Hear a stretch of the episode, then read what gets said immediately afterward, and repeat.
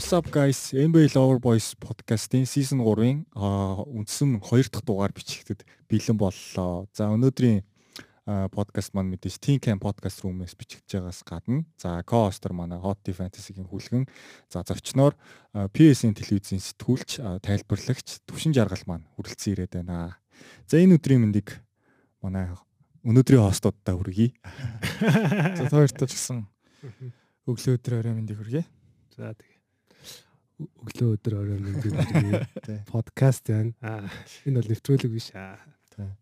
За тэгээд төвшөөтэй бол ер нь PSN дээр хэдүүлээ цуг ажиллаад ер нь танилцаад тэгээд энэ үйлрэлт нэг дугаарт оролцоод оролцоорой гэж тэр үед хэлсэн байсан тэгээд өнөөдөр бол илүү гоё яриа өрнөх байх гэж бол найдаж байна. Тэгээд төвшөө маань ямар багийн ер нь фэн гэдгээ үзэгчдэд бас өөрсдөө өөрийгөө ер нь дэлгэрэнгүй танилцууллаа. Тийм би 2008 оноос хойш MBS гэвэл Los Angeles Lakers багийг дэмжиж эхэлсэн. Тэгээд тухайн үед ч одоо яг Монгол аль биесны нэрхтэйгээр бол NBA гардаг байлаа шүү дээ. Тэгээд ерөнхийдөө 8 оны финалийн тоглолтоос ер нь яг NBA гэдэг зүйл байд юм байна гэдгийг яг өөрийн нүдээр дэлгэцээр бол яг тоглолтуудыг ингэж харж шимтэж сонирхож эхэлж ирсэн. Тэгээд тухайн үед ингээд нэг NBA үздэг ингээ байрны ах нарын яриач нэг юм үлгэр домог маягийн юм ярьдаг байсан шүү дээ.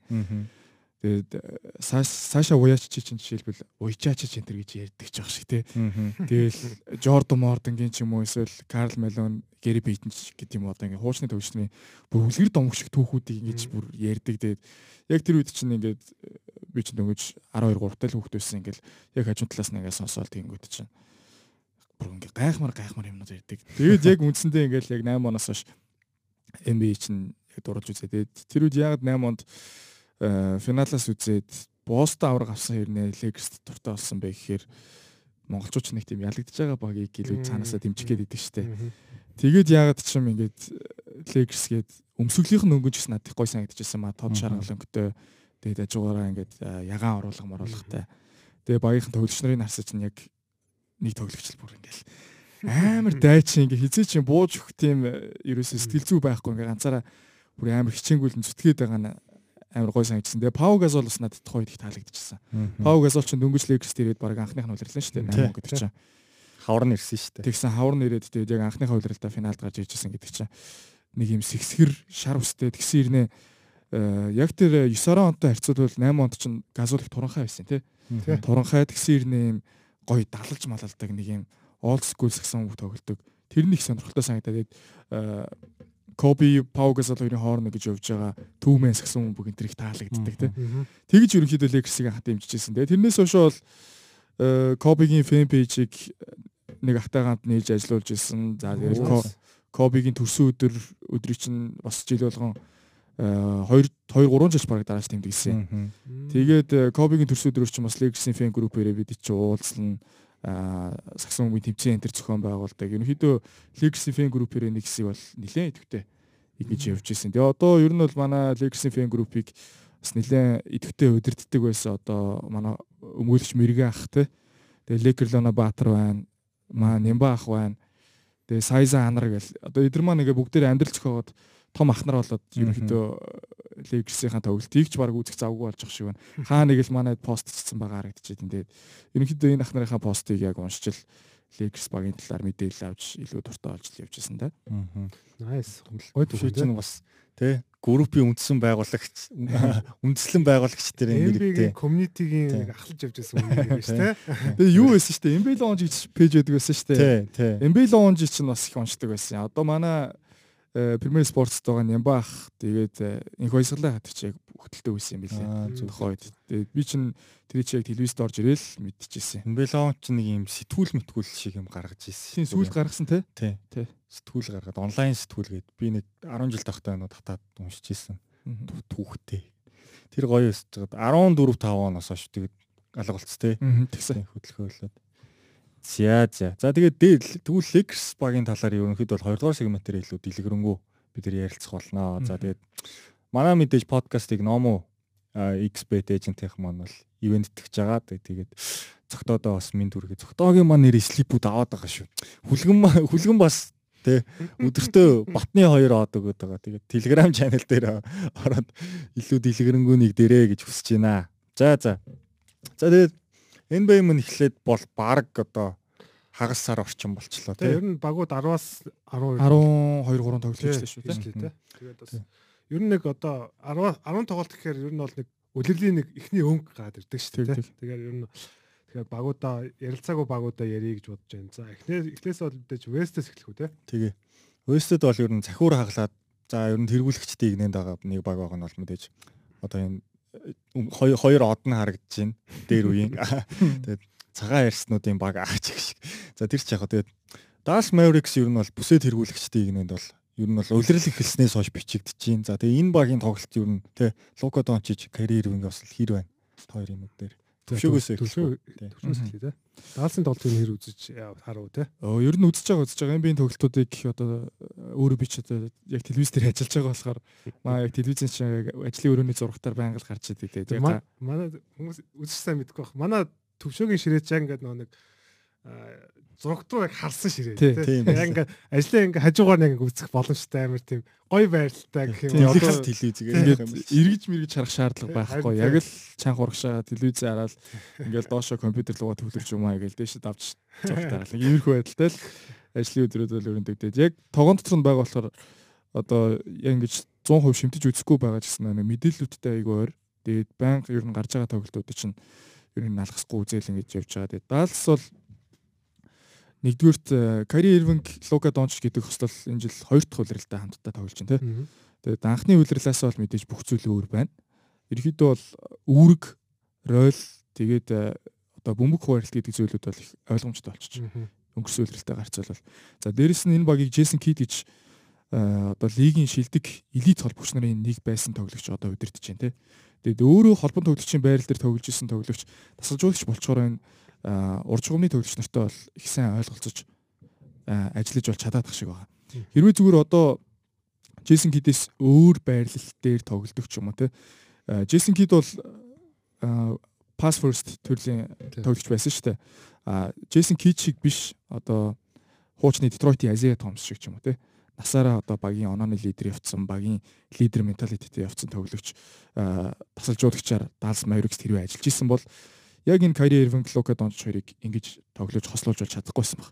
А Джейсон Кид байгаа болохоор энэ хоёр тоглогчтой илүү нээлттэйгээр ажиллаад хин нь яг талбай дээр байх үед холбон төлөвчийн үргийг гүйцэтгэх вэ? А хин нь шаардлагатай үед оноо явуулах вэ гэдгийг бол маш сайн ойрлж байгаа шиг. Одоо зарим ингээд тоглогчдаа өөр байрлалд өөр одоо SF ч юм уу те эсвэл big man-уудын байрлал дээр тоглодог байсан тоглогчдод тасалжуулагч болчоор холбонд хөлчнөрөө ч юм уу эсвэл жижиг эсчнүүдийг ашиглаж чаддаггүй шүү дээ. Нэг тиймэрхүү сул тал харагддаг. А Джейсон Кид болохоор өөрөө тоглогчхуудаа багийнхаа өөрөөсөө гадна бусад талбай дээр байгаа дөрвөн тоглогчоо бүгдийг нь тоглолдог байсан болохоор яг Dallas Mavericks дээр ч гэсэн таван байрлалын тоглогчныг бүгдийг нь ашиглаж байгаа хэрэг. Яг ингээд хурдан одоо хурдтай довтлохоо өрнүүлээд шидэгч нарыг ингэж явчин дээр суулгахаар бол шидэгч нар нүүргийг 100 гүйцэтгэж байна. За энэ үлрэл драфтаа сонгосон Дерек Лайфли гэж залуу бол үнэхээр гоё ашиглаж байна. Тэгээд тэр бол одоо энэ тасалжуулагчийн уур ухаан гэдэг зүйл яалтчгүй даалс дээр бол яригдах гээд байгаа байхгүй. Тий. Тэгээ ер нь бол яг төшөөд бүх зүйлтэй санал нэг байна. Тэгээд яг ихэн өнгөрсөн жил жоо вэлцэн шүү дээ. Ер нь 11 дээр унтсан тий. Тэгээд яг л угсаа Режи буулаг Дуайт Паул хоёр гараанд гарах яаж очих юм баг. Тэгээд яг өнгөрсөн үйл бол нөгөө нэг Кайри үлрэлийн дундуур ирсэн. Тэгээд бас нөгөө нэг нөгөө нэг зуныг ингэж нөгөө нэг багтаага өнгөрүүлэх зөвхөн үлрэлийн дундуур ирээ шууд тоглож чад өөр л нөгөө нэг хоорондын ойлголцолтой.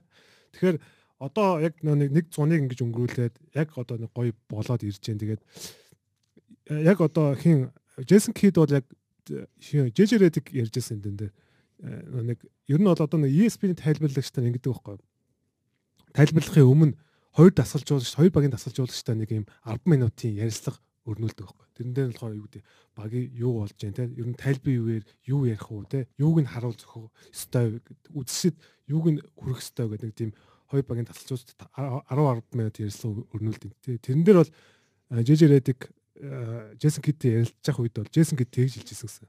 Манай одоо тоглолт бүр дээр 100 120-оос дээш өнө авах чадвартай байгаа. Тэгэхээр ер нь бол өөрсдийн тоглоом нь бол маш итгэж байгаа. Яг хамгаалт нь бол зүгээр тийм бол сайн биш. Гэхдээ энэ үйлэл бол хичээж байгаа. Лука Лука Донч бол яг энэ үйлэл нэлээ хичээж байгаа харагдаад байгаа. Тэгээд довтлогон дээр бол энэ баг хамаагүй хурдан болчиход байгаа. Өнгөрсөн ер нь бол Лука Дончичийн үлэл болгон ер нь бол нэг пейс буюу те довтлооны хэмнэлээр бол дандаа сүлд өнгөрсүүлрэл 28 орсон гэж юм багс. Тий. Ер нь бол дандаа л сүлээр гэдэг те. Энэ үлэл яг яг одоо би яг харсан гэдэгтэй сая хэдхэн хэдхэн хоногийн өмнө харахад 10 хэд байсан. 13 4 ч үлээ. Довтлооны рейтинг бол ихний тавд байгаа шүү дээ. Тий. Рейтинг тэгээд нөө пейс хурдан болцсон. Тэгээд Лука Донч арай хурдан тоглож байна. Дээрээс нь одоо Кайри одоо нэг Лука суудсан үед Кайри ганцаараа явахдаа ёо энэ баг аим хурдан толж байгаа. Кайриг холбогчоо хийгээд ер нь Лукагийн хажууд 7 8 ассист дандаа өгч байгаа шүү дээ. Тэгээд тэр бол маш гоё болж байна. Тэгээд Лука Кайри хоёрын хослол яг үнэхээр гоё зөвчж байна. Дээрээс нь одоо яг Дек Лайвли яг Лука Нончтой яг ийм одоо төвийн тоглогч ирсэн ер нь NBA-д оржсэн цагаас нь байгаагүй. Байгаагүй байгаагүй. Тий. Одоо нэг бол хөгшөрсөн Диандре Жордан Жавел Мак гэж юм уу те. Нэг бол Dwight Powell хийсэн шүү дээ.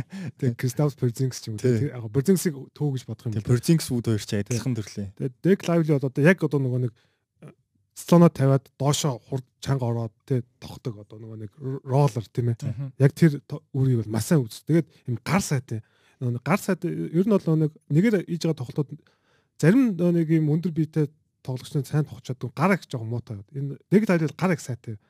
Аваад ер нь ямар ч эвгүй бөмбөгийг бол аваад тогтож байгаа. Тэгээд хамгаалтаар бас давгүй сайн байгаа. Тэгээ гол нь юм төгсгөл хийх сайтай. Төгсгөл сайтай. Софт точтой. Тий, софт точтой. Тэгээд үнхээр гоё байна. Тэгээд магадгүй одоо бид нар өнгөрсөн үеэл 11-т орсон бод энэ үеэл бол магадгүй шууд плей оффын байрал руу. Ер нь эхний дөрөв байж магадгүй байгаа шүү яг энэ ирчээр явах юм бол. За эхний дөрөв бол би арай худлаа гэж бодож байна. Зүгээр яг хөө эхний 6 руу бол бас явуул явчихаар л санагдаад байна. Тэгээд бас нэг онцлох хэвээр аавын хүү амир амир байгаа. Тим артай гэж үнээр. Гонерийн чи сэлгэнээс гарч ирээ бүр зүгээр мэрэгэн буудагч хийж. Энэ өдрөл чинь торгуул алдаагүй. Тийм баг 100% шид. Тийм. Тийм. Дээрэс нь Дек Джонс Жуниор. Тийм, Дерек Джонс Жуниор. Яг нөө нэг байрлалын гоё олцолтой. Джонс Жуниор гараандаа гараад хамгаалчих. Хардвей сэлгэнээс Лука суусан юм. Кари суусан үед ингээд дураараа шидчихэж байгаа байхгүй. Хардвей гэвэл те нэг тэгээд гол нь мань үнэ нэг зал залж байгаа шиддэг биш ороод илээ энэ жил. Бас сонирхолтой.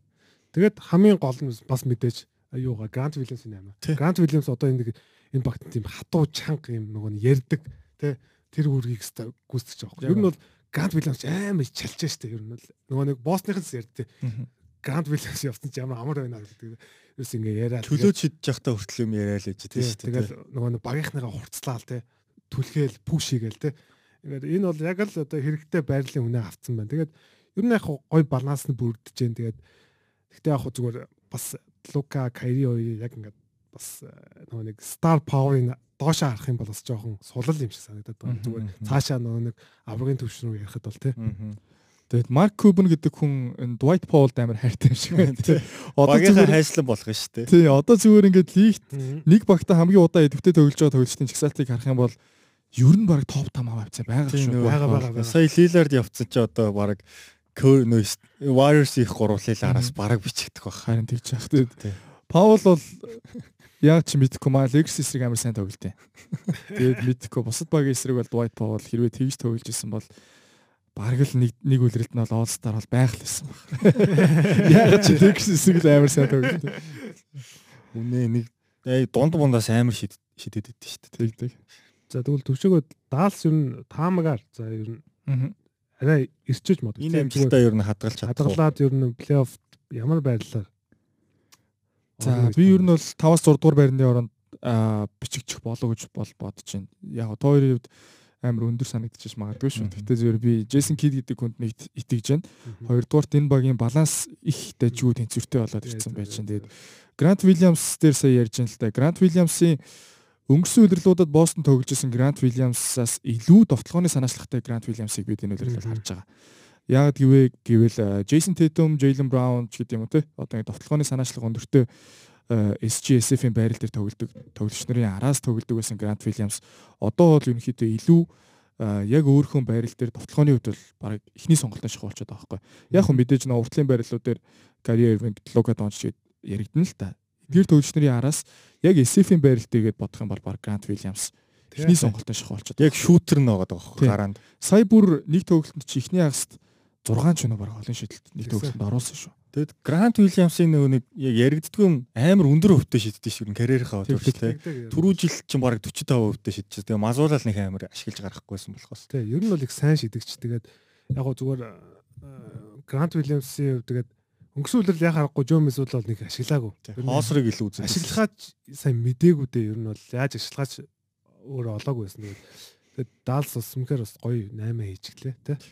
За За тэгвэл Далласаас гадна өөр Texas-ийн бас нэг бас төсөөлөөгүй амжилт. Одоо юу гэдэг нь таамаглаагүй амжилтанд хүрсэн тий.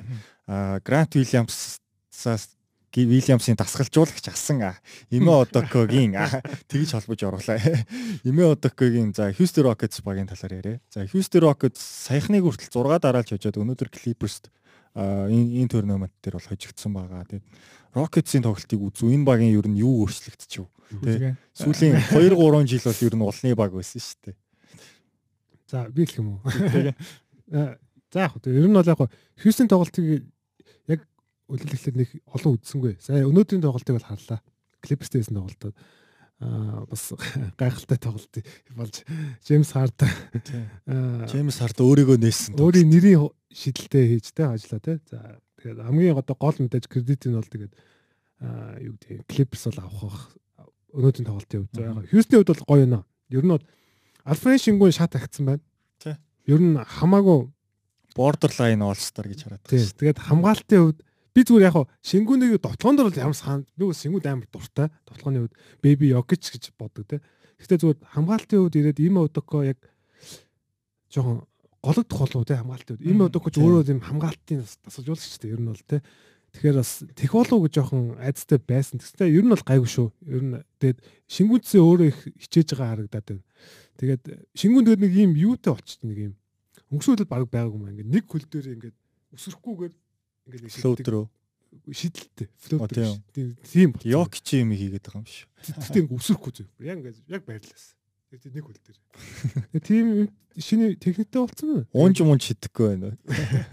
Ер нь тэгээд давталгооны сонголтууд ингээд олшорж ийн гэдэг чинь тухайн төвлөч дөг сууж ин тий. Өөртөө итгэл нэмэгдэж чинь. Одоо 3 дахь жил нэлээ. 3 дахь жил. Өөрийгөө улам олж ийн л гэж байгаа юм илэрэл тий. Тий. Тэгээд Хьюстон дээр бол яг хамгаалт бол үнэхээр сайн байна. Ер нь бол маш идэвхтэй ингээд. Ерөөсөө яг им одокогийн одоо гол одоо нөгөө нэг арга барил арга барил одоо нэг бусдаас ялгарх онцлог нь шүү дээ. Ер нь бол хамгаалтыг бол маш нэг тавьдаг те. Тэгээд маш их шахаж байна. Ер нь бол амар хичээж байна. Джейлен Гринс маш ер нь хичээж байгаа харагдаад байгаа байхгүй. Яг гоо харагдаж байгаа юм тэр чинь зүгээр. Гэхдээ өнөөдрийн тоглолтыг харах юм бол Джейлен Гринийг нэрээ аваа хичвэл тэр баг хожлоо бол. Би бүр ингэж ямар хэцүү юм бэ. Уул нь таарийн хийсэн ашигтай байгаа байхгүй яг харахаар.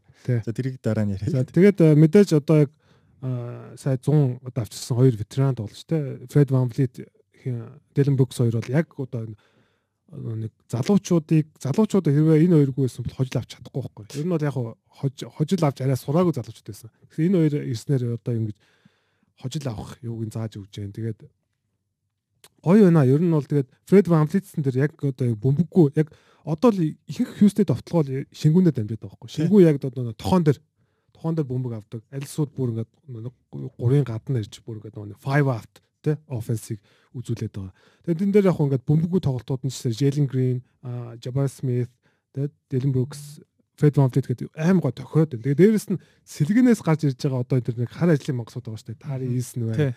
Jishon Tate. Josh Jishon Tate байна. Тэгээд Aaron Brook Aaron Brooks байгаа. Юу Aaron Brooks? Aaron Brooks биш. Aaron биш. Аарон Гордон биш ээ. Холбогч. Амен Томпсон чи гимтсэн шүү дээ. Биш Амен Амен Томпсон биш ээ. За за за. За за. Тэр март март.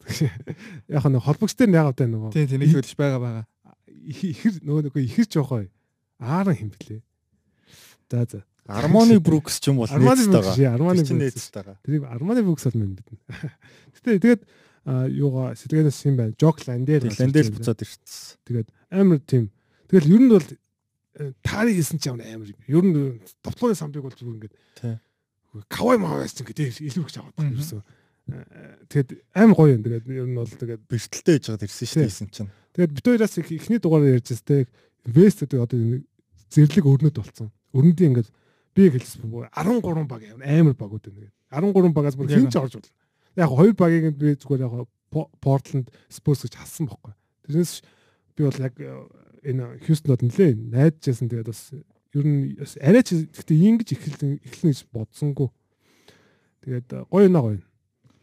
Хьюстон дээр тэгээд сая хүлгэн нэг хүн марччихвал Джеф Грин гэж тоглогч байгаа.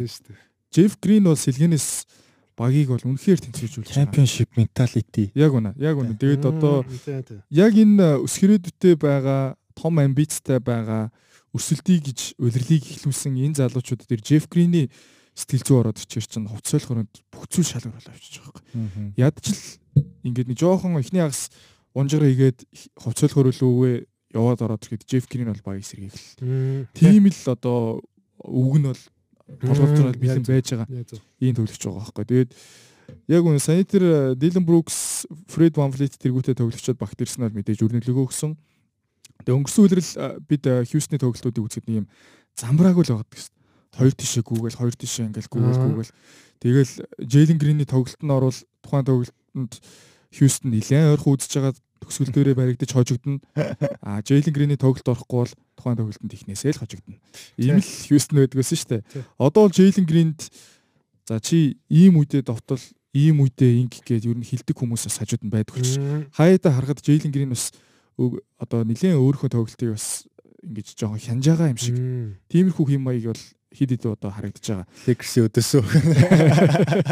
Лекерси өдөөс шүү дээ. Тэгээд Jabari Smith Jr гэж уул нь бас энэ зүүн нэлээд хүлээлттэй байсан тоглож байсан. Сая Jabari Smith Jr энэ зүүн зуны лигийн тоглолтуудад их сайн тоглосон. Тэгээд зуны лигийн тоглолтууд дээр Jabari Smith Jr-ийн холын зай шийдэлт нэлээд сайжирцсан байгаа бол харагдсан. Ер нь нэг 3-аас 4 холын зай шийдэлтийг оролдлогыг гүйцэтгээд за нэг 2 гарантайг амжилттай бол болгож ирсэн. Тэгээд Jabari Smith шиг тоглогчид бол хансан үзүүлэлт байхгүй ер нь бол. Тэгэхээр бол Jabari Smith нэлээд хүлээлттэй байсан. Харамсалтай нэг улирал хийснээс хойш Jabari Smith бас тийм ч их довтлооны боломжууд ч ирэхгүй байна. А гэхдээ Houston Rockets гэдэг баг өөрөө ингээд айтаахан болоод явж явах Jabari Smith заавал тэгж өөрийгөө тодруулах гэдэг шаардлага байхгүй. Мань үнийг яг нөгөө нэг миний арстаар яг Jaren Jackson-аар хөө ашиглаад ирлээ. Нэг угаас нь wing дээрээс зогсоож байгаа шидүүлдэг ч юм уу. Хамгаалтан дээр гүйж ирж нөгөө нэмэлт блок шот хийдэг. Тиймэрхүү хамгаалт дэжгүй харьцангуй дэжгүй байгаа. Дагуу дагуу сайн байгаа. Тийм. Урт болохоор тэгээ хурдтай болохоор хамгаалт бол сингүүний араас айгүй сайн нөхөд байгаа. Тэрнээ тийм болохоор нэг минут нь ингээд яа их их байгаа харагдсан. Тэгээд би нөгөө нэг нэг хүний нэр олж өгөхгүйсэн. Ара хоолойтой байгаа. Аа. Аа тийм шүү дээ. Би яг ара гэдэг зүг л зан гэдэг зүг тийм байна. Хоолойтэйг нь яах. Хоолойтэйгийн 3 дахь 2 дахь дүү өстэй. Тий. Хоолойтэй яах тусын 3 дахь нь. Тэгээд за тэгээд хүйснээс тэгвэл плейн рүү ер нь за одоо зориг нь одоо плейн гэвэл үү юм бол тий.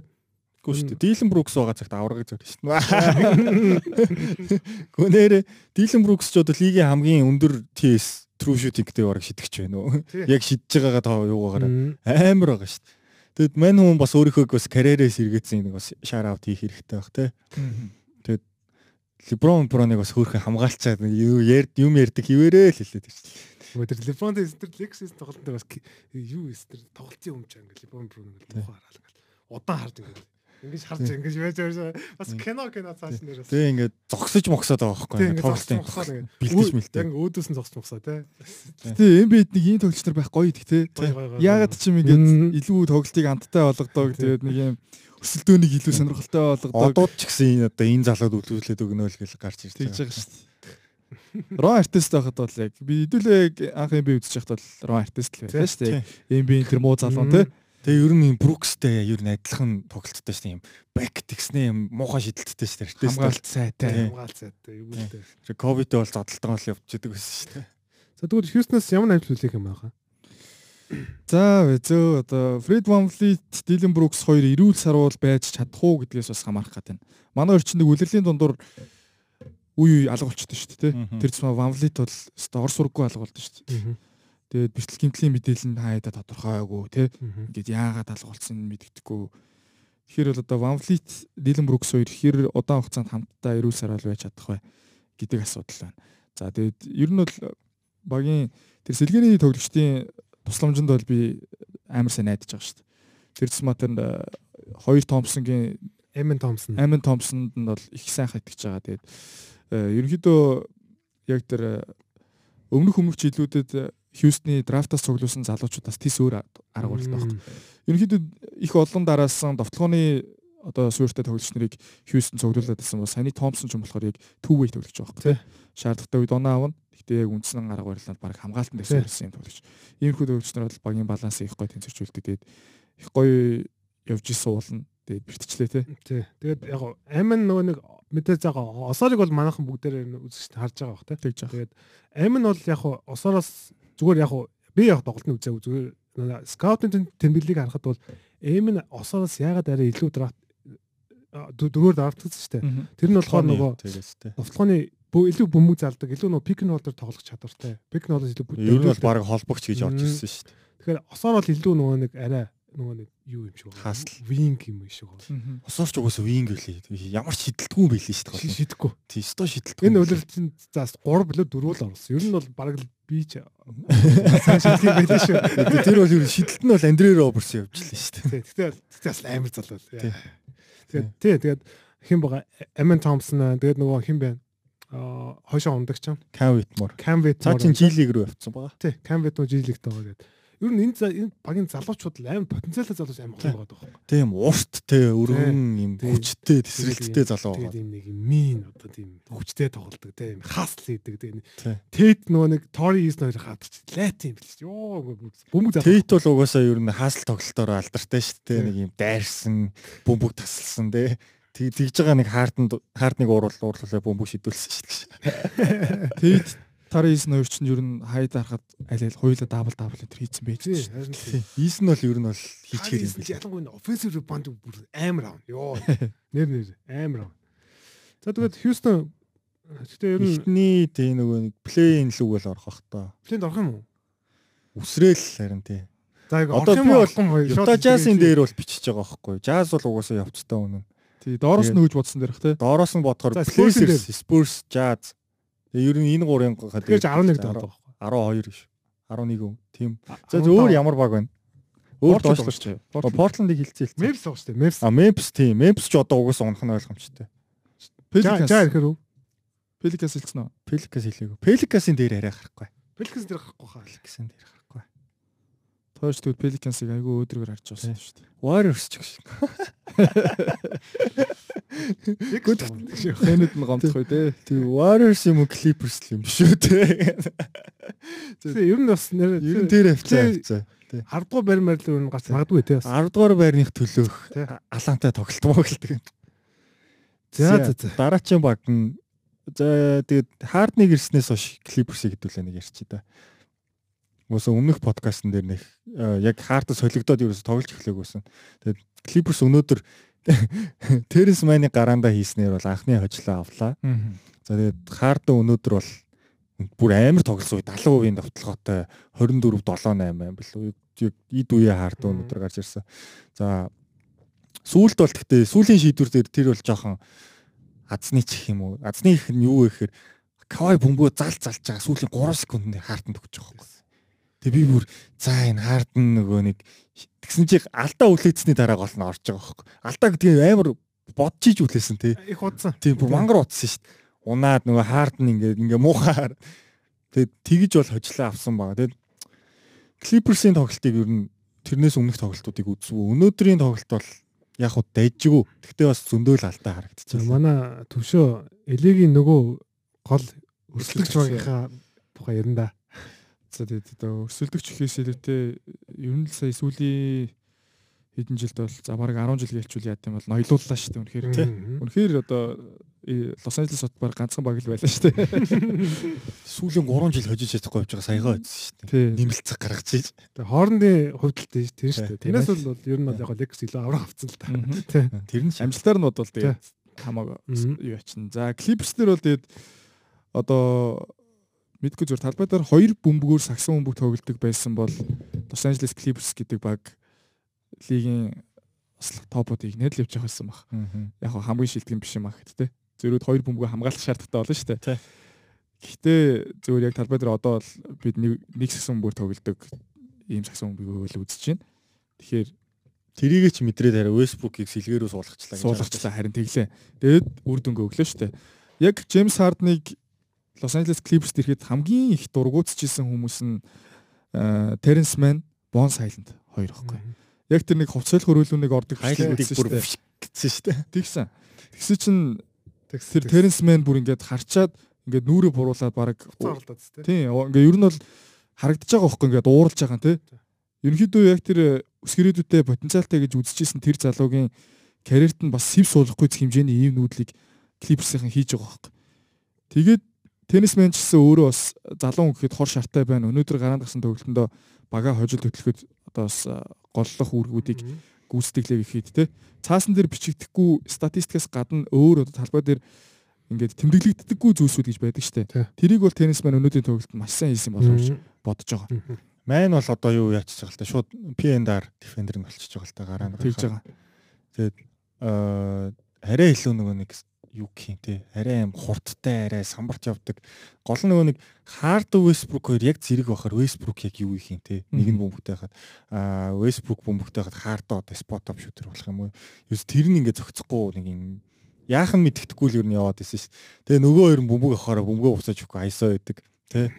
Тэгээд 100 буцыг өнөөдөр айгуу сайн ашигласан гол нь сингүүний өдөөс. Тэгээд яг бүр голлох бүр сүүлийн 4 хоног бүр 100 буцаар ахвалсан гол нь их хэрэгтэй байхгүй. Өмнөх нөгөө нэг Дэнүртэй хийсэн тоглолт нэр 100 буцыг ерөөсө гаргаагүй сүүлийн 5 минут. Би ч такрыг гараад уулын такрыг яг шахалцаалаад нөгөөх нь тэгтэл ч дээгүүр нь гिचж байгаа. Тэгээ хожицсон шүү дээ. Миний санаж байгаа. Тэгээд сэлгээ нь ер нь айгүй намхан байгаад байсан одоо Даниэл Тайсыг авцсан бас дайжгүй. Дайжгүй нүүдэл. Даниэл Тайс бол гоё төв шүү дээ тий. Үнэхээр гоё төв дээр ухаантай төв. Ухаантай төв дээр дээрэс нь screen assist гэдэг зүйлийг бол зүгээр утгаар нь дэдэг тий. Заслаан тавиад тэр нь оноо олдог энэ зүйлийг бол өстой зүгээр яг л юм бэ. Яг энэ цаг үед магадгүй тоглож байгаа хамгийн мундаг screen assist байх. Тийм. Одоо Tatum Brown хоёртой тоглож исэн чинь PG Kawhi хоёртой тоглоход. Тийм яг үнэ. Ингээд одоо хоёр тоглож байгаа нэрийн солигдсон ч гэсэн яг л адилхан арга барил байна тийм үлдлэн. Daniel Tyson нөгөө нэг Марчин Кортотын заслаа гэж яддаг. Одоо нөгөө ингээд доошоо орохдоо нөгөө том тоглогчийн ингээд замдаа ингээд цаад явчихдаг. Тэр заслааны бүр аим сайд. Даниэл Тайсууд. Ер нь яг төвшөөг хэлдэг яг скин систем бол нөхөр хоёр хэдэн тий. Тэг гол нь ийм тоглогч ашиглахгүй жагаад яг хөө хэрэгтэй багтаа ирчлээ. Тэглээ. Гэтэл намхан, намхан. Тэг клиперс намхан хивээрээ. Хивээр байгаа хивээр. Тэгээд одоо хэдий ингээд нөгөө дөрөвчн ингээд хамтдаа улирлийн турш ингэж тоглоно тий. Улирлийн турш тоглохоор за одоо гарант мэдээж түүний төлөвчээр ивцээ 100 бац байна баг. Ингээд таван тоглогч хамтдаа талбай дээр тоглож байхад хоёр нь хамгаалдаг хүч юм эсвэл хоёр нь хамгаалт муутай бол яг үндсэндээ зүгээр шууд бусаарч гисэн 3 эсрэг тавуула хамгаалах таван тоглогчийг гуруула хамгаалах баг шаардлагатай болж байгаа байхгүй. Джеймс Харден, Вестбрук хоёр бол үнэхээр хамгаалт муутай. Үнэхээр хамгаалт муутай. Хэдий хичээдэг. Энэ хоёр тоглогч яг ийм одоо асуудалд өртөхгүй тулд замлынхаа турш хичээж байгаа. Гэтэ миний бодлоор хамгаалт гэдэг зүйлийг хүн одоо олж авах гэхээс илүүтэй хамгаалтын мэдрэмж өгөгдөл гэдэг зүйл төрдийн болов гэж бодсон. Тэгээд яг манай хоёр бол угаасаа ингээд бүр хүүхэд байгаасаа тий 5 6 настайгаас анх бөмбөг барьсан цагаас эхлээд яг довтлохоо зөнтэй төвлөгч байсан учраас ингээл баг сургууль, дунд сургууль, ахлах сургууль, коллеж гээд ингээд дэшээ шат өгсөд явах тусам багийн лидерийн статустай байсан болохоор тэр төвлөгч нарт хизээч хамгаалах шаардлага байгаагүй. NBA-д ороод тим төвчний төвлөгчид хизээч хамгаалж сурдаггүй л хөх тий. Тэгэхээр бол одоо энэ хоёр төвлөгчийг яг талбай дээр хамтдаа нөгөө хэдтэйгээ цуг байж ах нөхцөлд бол эсрэг багууд нь бол баг зүр инээж байгаа тоглолдог баг. За за хэдүүлээ баг 5 эсрэг гуруулаа тоглож ч юм уу тий. Тиймэрхүү байдалтай ингэж ийм үлэмж хэмжээний давуу байдалтай л байх тий. Энэ хоёр төгсчийг одоо яг яавал ашигтайгаар ашиглах юм бол өстой үнэхээр хэлж мэдэхгүй байна. Зүгээр баг яг тэр OKC данх удирдахжсэн үеийнх нь тасалжуулагч масалжуулснаас асуул яа тийм бол гэж одоо бодоод байгаа шин. Вестбрук ч яг нэг энэ хүний эсрэг л тоглохоор л амар хамгаалт юм л та. Бусдаарч хэцүү дээ. Тэгээд за тэгээд Clippers дээр бол яг сүүлийн одоо хэдэн тоглолцоо хамгийн их үзсэн баг бол Clippers байна. Мим болсон шүү дээ. Нэг хэсэг. Тэгээд яг үнийг хэлэхэд Clippers-ыг үзчихэд тэнгүүдээ шууд Sacramento-гийн тоглолтыг би үзсэн байхгүй. Би тэгээд ёо яах гэж Clippers-ийн тоглолтыг үзээд байгаа юм бэ гэж өөртөө ингэж бодоод байгаа байхгүй. Амар бүр амар сагсан бомгийг бүр шал хоёр эсрэг тэсрэг тоглоод байгаа байхгүй. Нэг нь бүр амар хуудахтай тоглож байгаа. Нэг нь болохоор нэг амар гой тоглоод байгаа байхгүй. Тэгээд яг өнөөдөр хожлоо. Тэгээд хаад ирээд 5 хожигдоод болж байна те. Тэгж байна. 6 хожигдсон. А 6 лөө. 1 6 те. Тэгээд өмнөх тоглолтууд бас ёо амар арга байсан. Ер нь тэгээд хин Тайнлогийн хэвлийн аль тулхын дараа үлээ хэвлийн уралд хэлсэн. Манайхан юу вэ ямар вэ? Гүүмээр нь ерөөсөө ингээд алхаад яваад байгаа. Бовтгон дээр. Ялангуяа аим удаа би өмнө подкаст дээрээс хэлжсэн. Энэ баг аим удаан болчлоо. Одоо илүү хурдан болохын тулд яах хэрэгтэй юм бэ? Энэ аим чухал.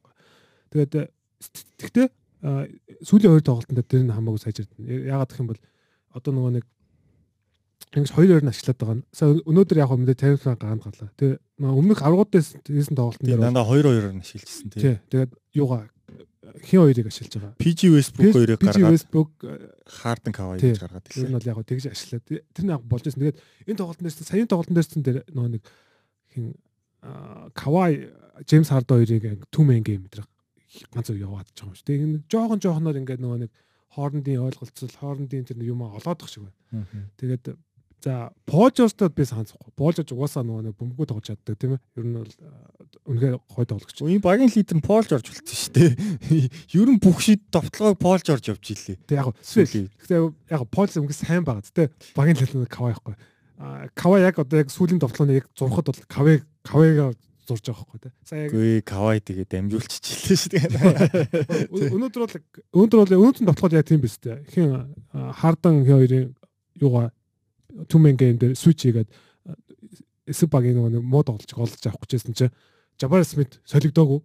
Jabbar Smith амар урт гэсэн чинь Kawhi чадаагүй тэгээ дамжуулсан чинь нөгөөх нь хаазуулж орлоо те. Тэрний гэхдээ өмнөх тоглолт нэр ч гэсэн бас Paul George орлоо явсан. George тэгээд нэг сонир залж агаад тийм хөвөлбөргүй явж байгаад өнөөдөр л гайгүй хөвөлбөртэй болж байна гэж би харсан. Дэнүр дээр бол бас ларгуу эс тогтолтын төгсөл. Бид нар юуг нь харах л да одоо нөгөө засварлага аваад орж ирэхэд нөгөө нэг тасалжуулж хөлбөр зурж орж ирдэг. Тэгэхээр яг эхний дээр нөгөө нэг хөлбөрийг харах хэрэгтэй байхгүй. Тэгэхээр тэгэнгүүт дандаа ер нь эцсийн хүчтэй бол кавайл байгаа байгаа. Гэтэ пиж бол мөх гайхалтай. Пиж бол мөнхээр амар байгаа.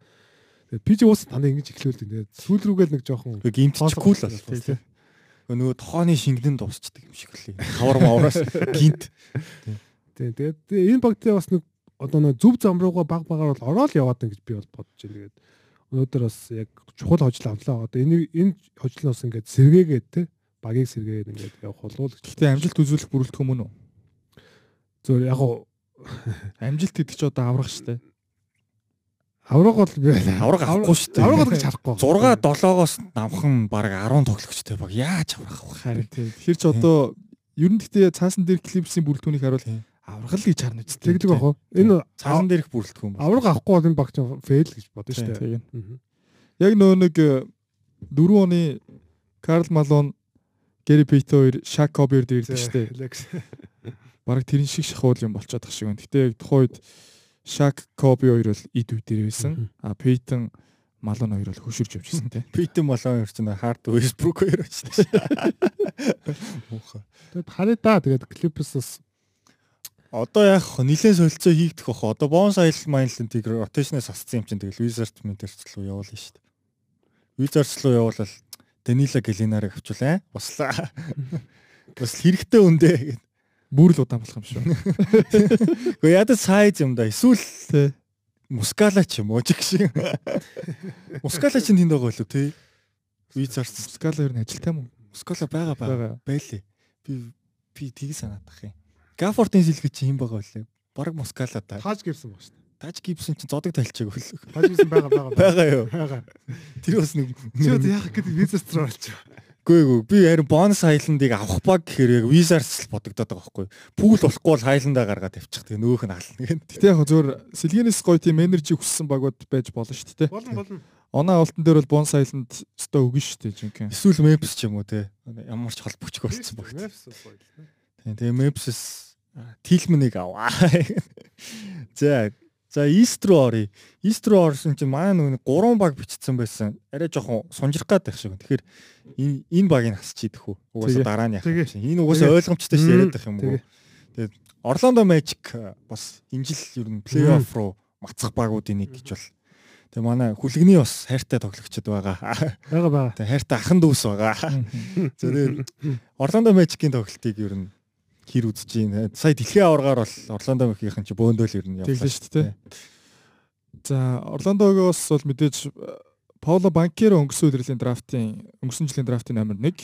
Тэгээд энэ үлрэлийг бол Банкеро яг хүлээлтэнд хүрсэн шиг сайн эхлүүлж чадаагүй тун таар өглөөсөн банкеро. Тий. Довтлооны хувь нэлээд таар байсан, их олон удаа бөмбөг алдсан. Тэгээд яг хоо банкеро нэг бас л хан мөргсөнтэй удирлыг хийсэгт одоо нэг руки тоглогч байхаа болоод одоо яг Орландо Мэжик гэдэг энэ багийн одоо лидер лидер гэдэг юу руу одоо өөрийгөө пүүшлж байгаа байхгүй тий. Тийшээ пүүшлээд явсан э, илүү олон удаа бөмбөг нэхэж авсан, илүү олон удаа довтлох гэж хичээсэн тэр нь одоо мэдээж санснаар болохгүй шүү дээ. А өнгөрсөн үеэрлэл бол Пауло Банкерогийн тоглох минут хязгаартай байлаа, довтлох тоон хязгаартай байлаа тий. Хизээ ямар үед ямар үйлдэл гаргахуд нь ерөнхийдөө бүх зүйл тодорхой байлаа. Харин энэ үеэрлэл бол удирдлийн ихнээс Банкеро өөрийгөө пүүшсэн. Яг тэр нэг 7 8 тоглолт хийсэн дараа бол Банкеро яг хан мөргөж одоо буцаад мөргсөн ханаа цаашаа өнгөрөөд алхаад ингээд айтайхан болоод явж байгаа хэрэг. Тэгээ Банкеро сайн тоглол Орландо Мэжик бас багаар их сайн тоглолт юм байна. Их сонирхолтой. Банкеро Э, ерөнхийдөө хувийн ур чадвар сайтай ч гэсэн айхтар тэгж одоо хувийн госон төгөлтөр багийнхныгаа унтраагаад байдаг төгөлч биш юм байна. Өг хүйдээ өгдөг, авах үедээ авдаг. Тэгээд э, өөрөө хамгийн гол нэг дундын зэ шидэлт сайтай, тэгээд оролт сайтай ийм төгөлч нар чинь бол э, илүү одоо олон талт ийм нэг давуу байдлуудыг талбай дээр үүсгэж байгаа юм л да. Бодогтой адил байдж тэр те. Бодогтой адил байгаас гараа явсан ч тэр хамгаалагчтай ойрхон байхаас орохгүй. Тэгээд одоо түүнийг хүрүүлж байгаа тэр Франц Вагнер ч гэдэг юм уу те. Маркел Фулц тэргүүдэд нар өөрийнхөө хувийн тоглолтыг хийх боломжууд нэгдэж идэг ч юм те. Ингээд банкер бол их олон талт дээрэс нь одоо талбай дээр байхад үр өгөж ихтэй ийм тоглогч юм байна. Яг одоо байгаа зүгээр идэвхтэй тоглож байгаа ийм тоглогч нэргээд та нар бодод үзээрэй. All rounder тэгсэн мөртлөө биг. Ингээ бодохоор их сони юм билээ. Бараг байхгүй шахууч юм шиг. Тэгээд э, Банкерогийн үр нөлөө юу юм бэ? Франц Вагнер бас энэ багийн онооны лидер болчих. Өнгөрсөн үеэрлээс илүү э, одоо найдвартай Тэгээ дээрэс нь хизээ юу хийхээ бол маш сайн мэдэж байна Франц Вагнер. Тэр ч одоо энэ жилийн All Star гэж орог нэрлээд байгаа шүү дээ Вагнер их. Тийм. Статистик нь өнгөрсөн үеэрлээс бас акцент шахуу явж байгаа. Тэгээд э, сая энэ 100 мэдээж дэлхийн авраг болсон. Германы хашгшагийн хамтаар. Тэгээд олон улсын энэ тэмцээн олимп дэлхийн аврал шалралт тэмцээн бол тоглогч нарт бол маш том пуш ап өгдөг штэ. Яг тийм одоо түлхэцийг одоо урам зоригийг бол Фрэнс Вагнер авсан байна. Тэгээд дэлхийн авраг болцсон юм чинь яагаад NBA дээр дэлхийн аврах шиг байж болохгүй гэж гэдэг сэтгхүү бас одоо тэр Вагнерын яханд өстө суудсан байгаа хэрэг. Мориц Вагнер ч гэсэн өнгөрсөөлөр сэлгэнээс яг хуу дайжгүй байсан. А гэхдээ яг одоогийнх шигээ ийм ирэмгий дайчин бол байгаа хэрэг тий. NBA-ийн тоглогчид авраг аваад өөрсдийгөө тэгдэг штэ. World Champion гэж нэрлэдэг штэ. А гэхдээ жинхэнэ World Champion чинь Франц Вагнер, Мориц Вагнер хоёр байгаад байгаа байхгүй. Яг албан ёсны статусаар ба тий. Энийг ч гэсэн энийг ч гэсэн одоо тэр хоёр Вагнер бол мэдчихэл байгаа. Тэгэхээр энэ энэ энэ хоёр тоглогчид бас сэтгэлзэн маш том одоо тийм гоё сэргэлт бол болцсон баг. Тийм тийм. Ер нь бол санал нэг байна. За Magic-ийн хувьд бол юу байгаа? Хамгаалт гайхалтай байгаа. Тий хамгаалт за эхний 5 дотор байгаа да. Ер нь саяхныг бол эхний 3 дотор ч байсан. Энэ баг хамгаалтаараа hodж байгаа. За Жамал Мөсөс тасалжуулж бол хамгаалтыг бол нэлээд эрхэмлэж байгаа. Сайн байгаа. За энэ багийн гол асуудал бол юу вэ? Довтлогоо. Ялангуяа шид хидэлттэй. Аа за сая үнэхээр одоо юу болчлаа. Сая би яг мэжикийн тоглолтыг хийдэд үзсэн л дээ. Тэн дээр бол эсрэг баг нь дандаа мэжикийг ус шидж чадахгүй гэж дандаа нөө нэг слоныг дандаа доогоор орлоо. Ер нь дандаа ингэж слон тавилаад доноо доогуур орохоор нэг орох зайг болчиход байгаа. Тэнгүүд нэг ингээл зал залж байгаа нэг шиддэг ч юм уу те. Ер нь дроп хийчмээр л юм биш үү те. Тий. Ер нь бол дроп хамгаалт дээрс нэг слон доогуур агандар те. Ганц шидж чаана Вагнер л байгаа шүү дээ. Тий. Вагнер тэгтээ сайн шидэхгүй байгаа юм аа. Яг яг хувийн арах юм бас тийм сайн шидэхгүй байгаа. Тэгээд аа сая Банкеро Вагнер хоёр хувьд бол яг одоо сая нэг хэлсэн шүү дээ. Хам өргөцсөн те. Яг одоо яг довтлооны хувьд бас нэг бусд нь сайн шидэхгүй болох нь зай амар хумс байгаа. Тэгэхээр тийм учраас яг тийм довтлооны хувь гэдэг ч юм уу яг тийм чөлөөтэй гой тоглох орон зай бол байхгүй байгаа.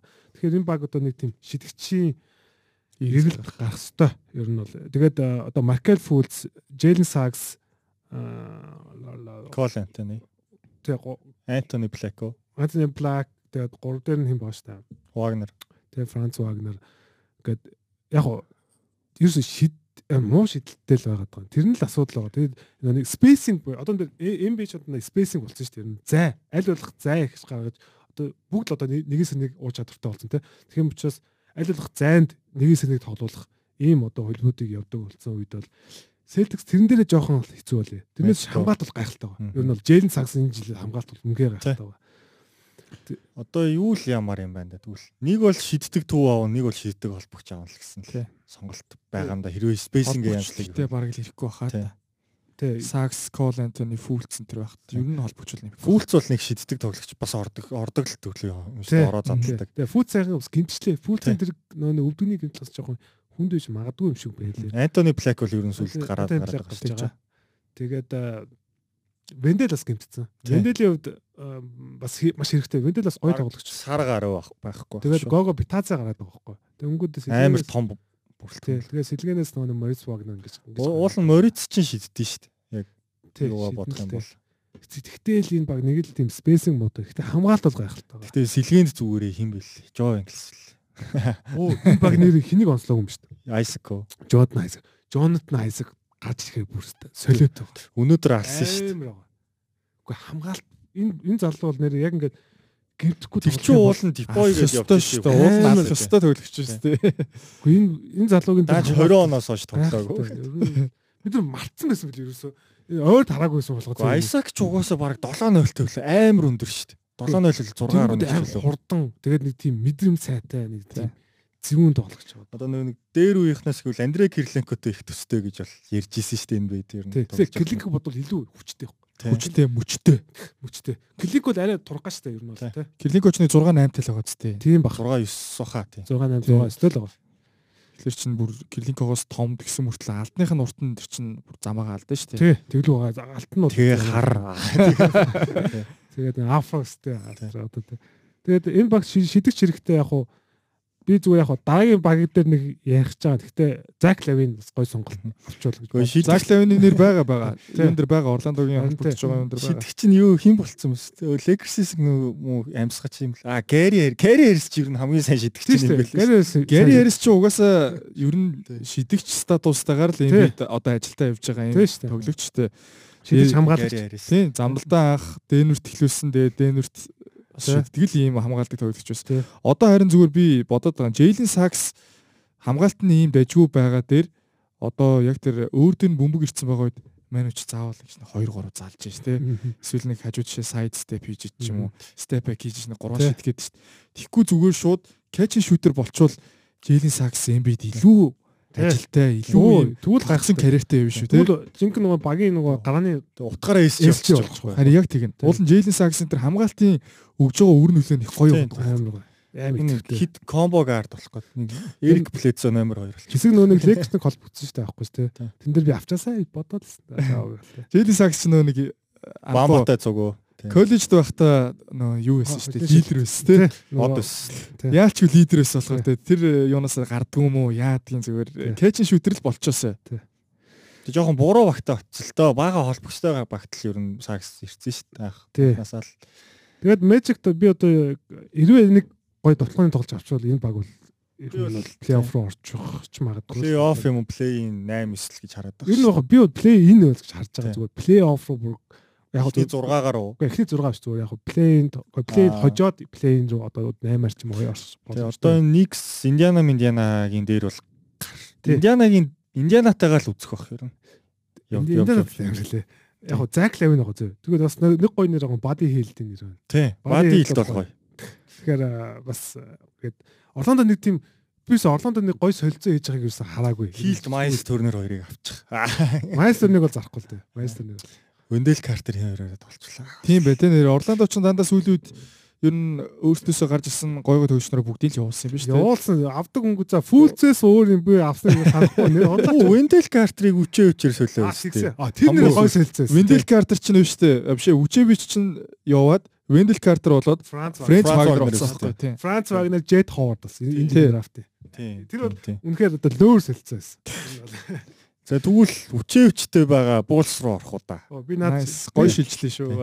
Би бүүлсийг рант шүү. За тоор ярьж ярьж. За бүүлс ер нь бол задарлаа, задрыг гэдгээ бол Зарлчлаа тийм зарлсан. За ер нь бол франчайз тоглогч байсан байх гэж үзсэн Закли Ойна солиногдсон бэлээ. Лавин дээр дэ миний ми- сүүлд онсон мэдэг. Лавин өөрөө ер нь бол за би энэ энэ багууд руу очих сонирхолтой байна гэж чигсаацсан бэлээ. Тэрэн дээр бол Lakers, Heat, Sixers, за Kings, Spurs гэсэн ийм таван баг бол хамгийн дээр чагсаалтанд одоо тий 80 дээр нь байлээ.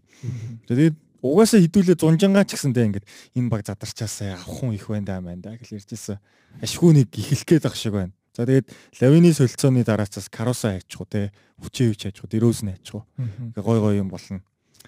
За төвшөөгийн хувьд за энэ баг одоо ингээд Вучевич, Дерозен, Лавин гэсэн их гурвыг бүрдүүлээд 3 дахь жил рүү очив лээ.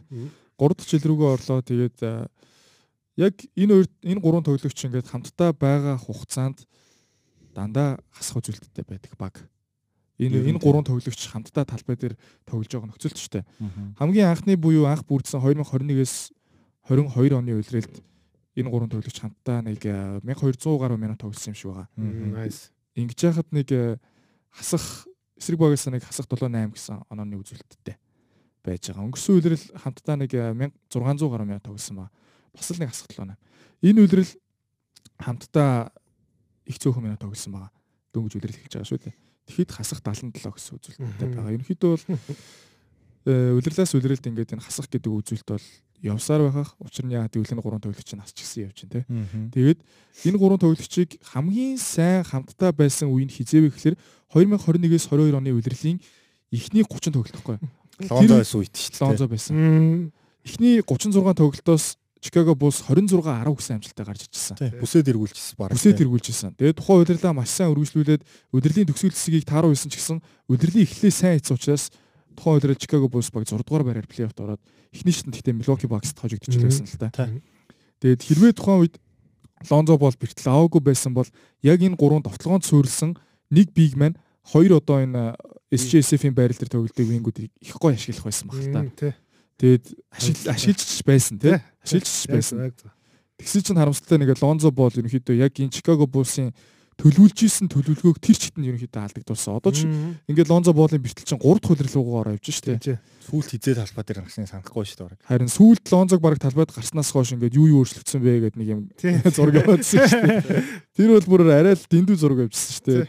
Тоглогч нар хаана ямар багтж яваад байгаа тий.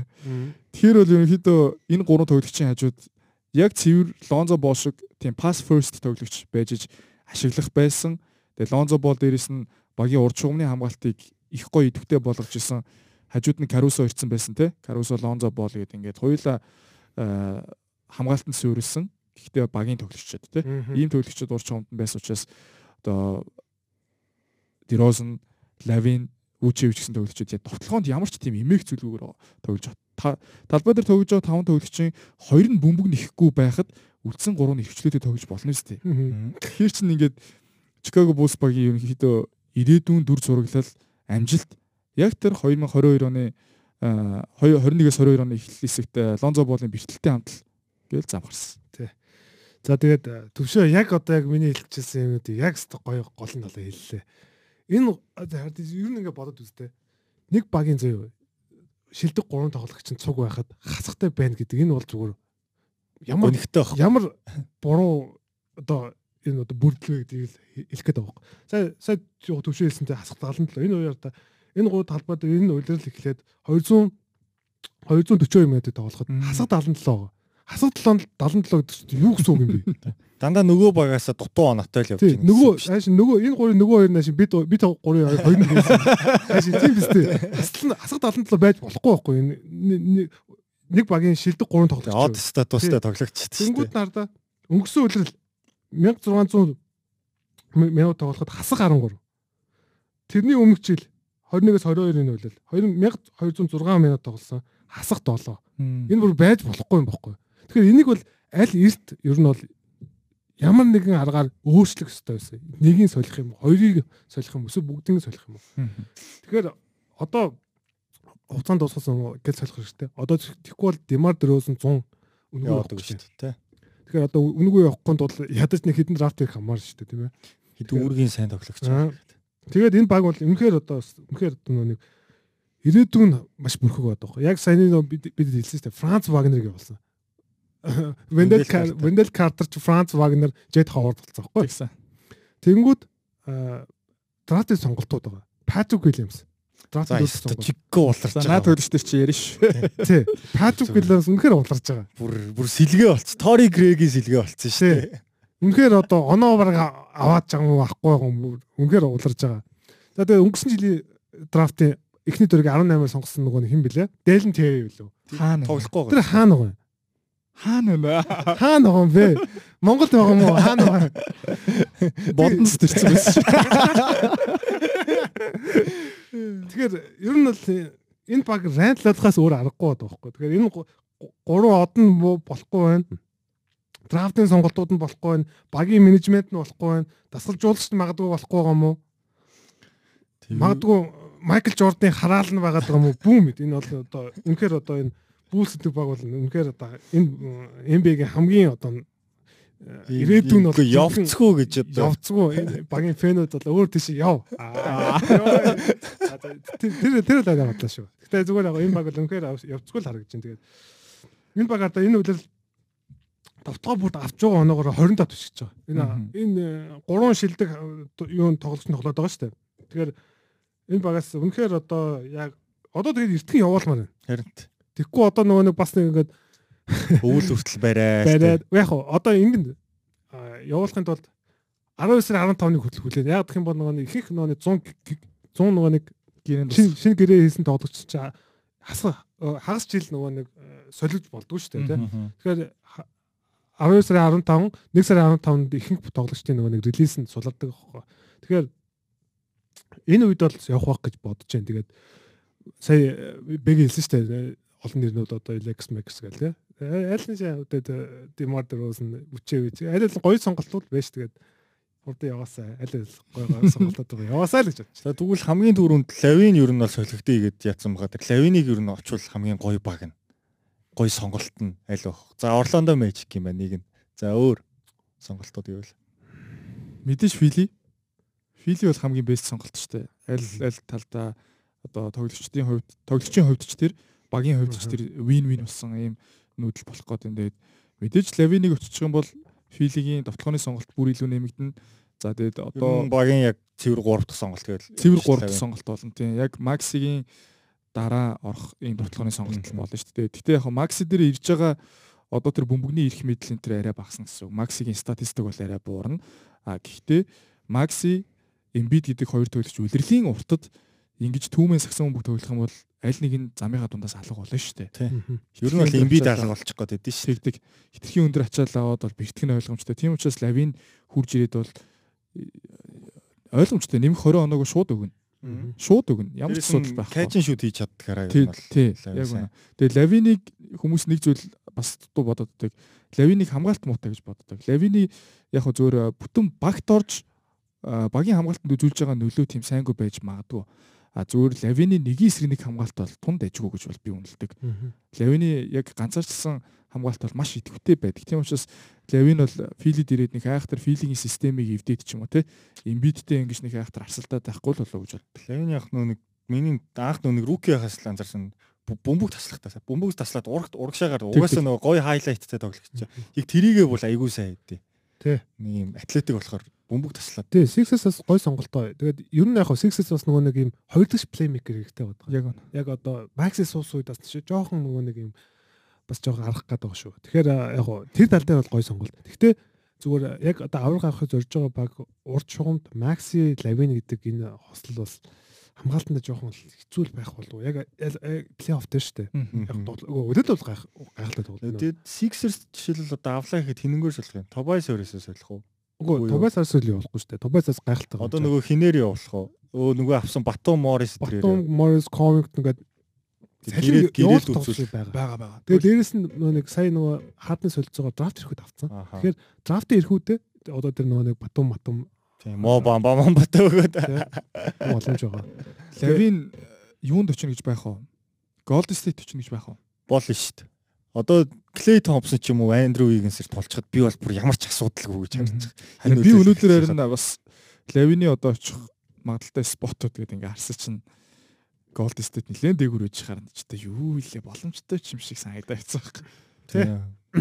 Гэхдээ нэ нэрээ боломжтой санагчд одоо Вигенс амар муу хаа энэ жил бүр яг яатсан гэмээр бүр Уул нь амар мэддэл хийж гэлсэн тий. бүр арай л дэндүү байна тэр тоглогч нэг Space Jam дээр нөгөө хүчийг нь авчдаг Тийм. шүү дээ. 3-аас 17% та шидэж чинь гэж Бен Симмонс байгаа шүү дээ тэр одоо.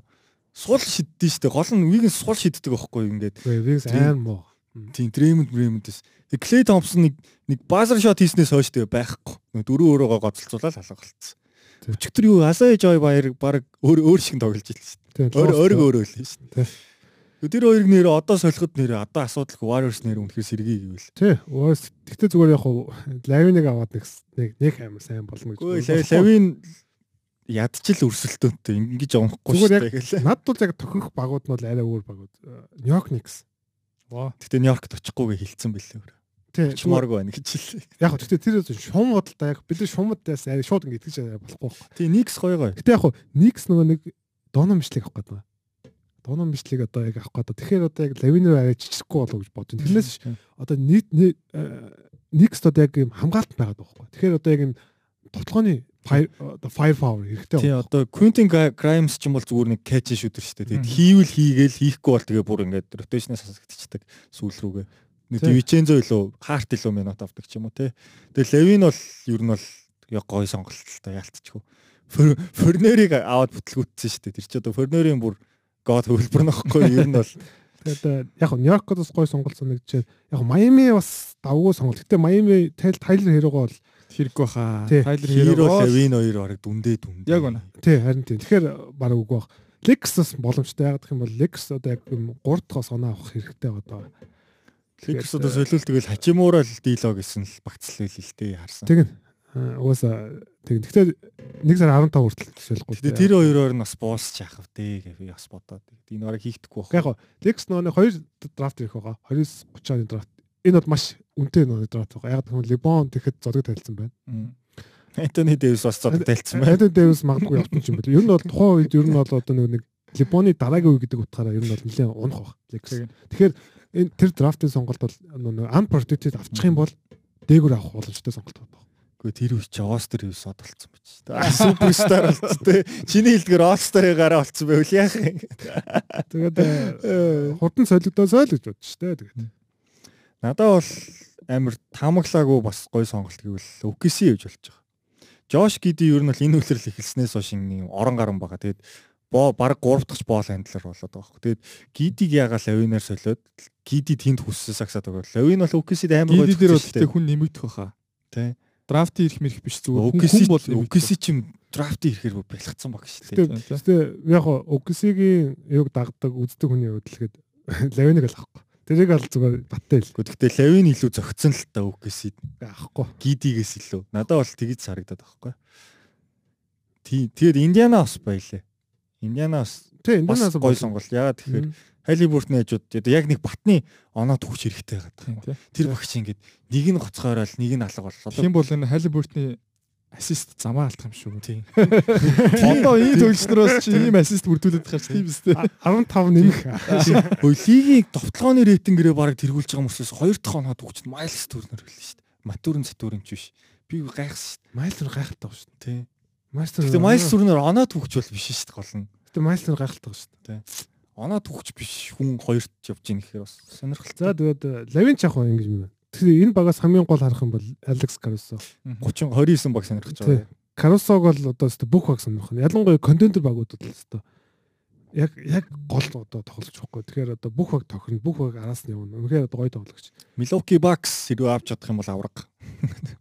Үу. Наач бүр. Гүнээрээ ер нь Лилардын хажуу зүгээр ингээл дагдаг чинь Хөөе Карусогийн хамгаалт бараг ч рүүтэй адилхан да нэрээ. Ур шугамын хамгаалт бол бараг шүү. За яри яри. Тий. Карусо штэ. Юу яах вэ? Карусо дээр бүх байхгүй зөвхөн. Лекс авчаас яг шууд чинь зөө. Яг Лексийг бас хардаг хүний хувьд л ихэд аа Гэхдээ зүгээр энэ баг нэг баг яагаад би авчаасаа гэж бодоод байгаа гэхээр Дэнэр аваргууд Дэнэр үү. Оо nice. Дэнэр Дэнэр одоо нэг юм хийх хэрэгтэй одоо. Яагаад гэх юм бол Дэнэр сэлгэн жоох сул болцсон. Сэлгэн дээр За яг одоо л зүгээр байгаа юм. Плей-офф дээр одоо яг том одоо тайлан дээр тий. Бас жоохон уншигдэн шүү. Ер нь ер нь бол жоохон сууж магадгүй. Яг гэх юм бол нөгөө багууд аим одоо чи Бостонтэй тааруул яах тий. Санстай тааруул. Юу гэдэг Лекстэй.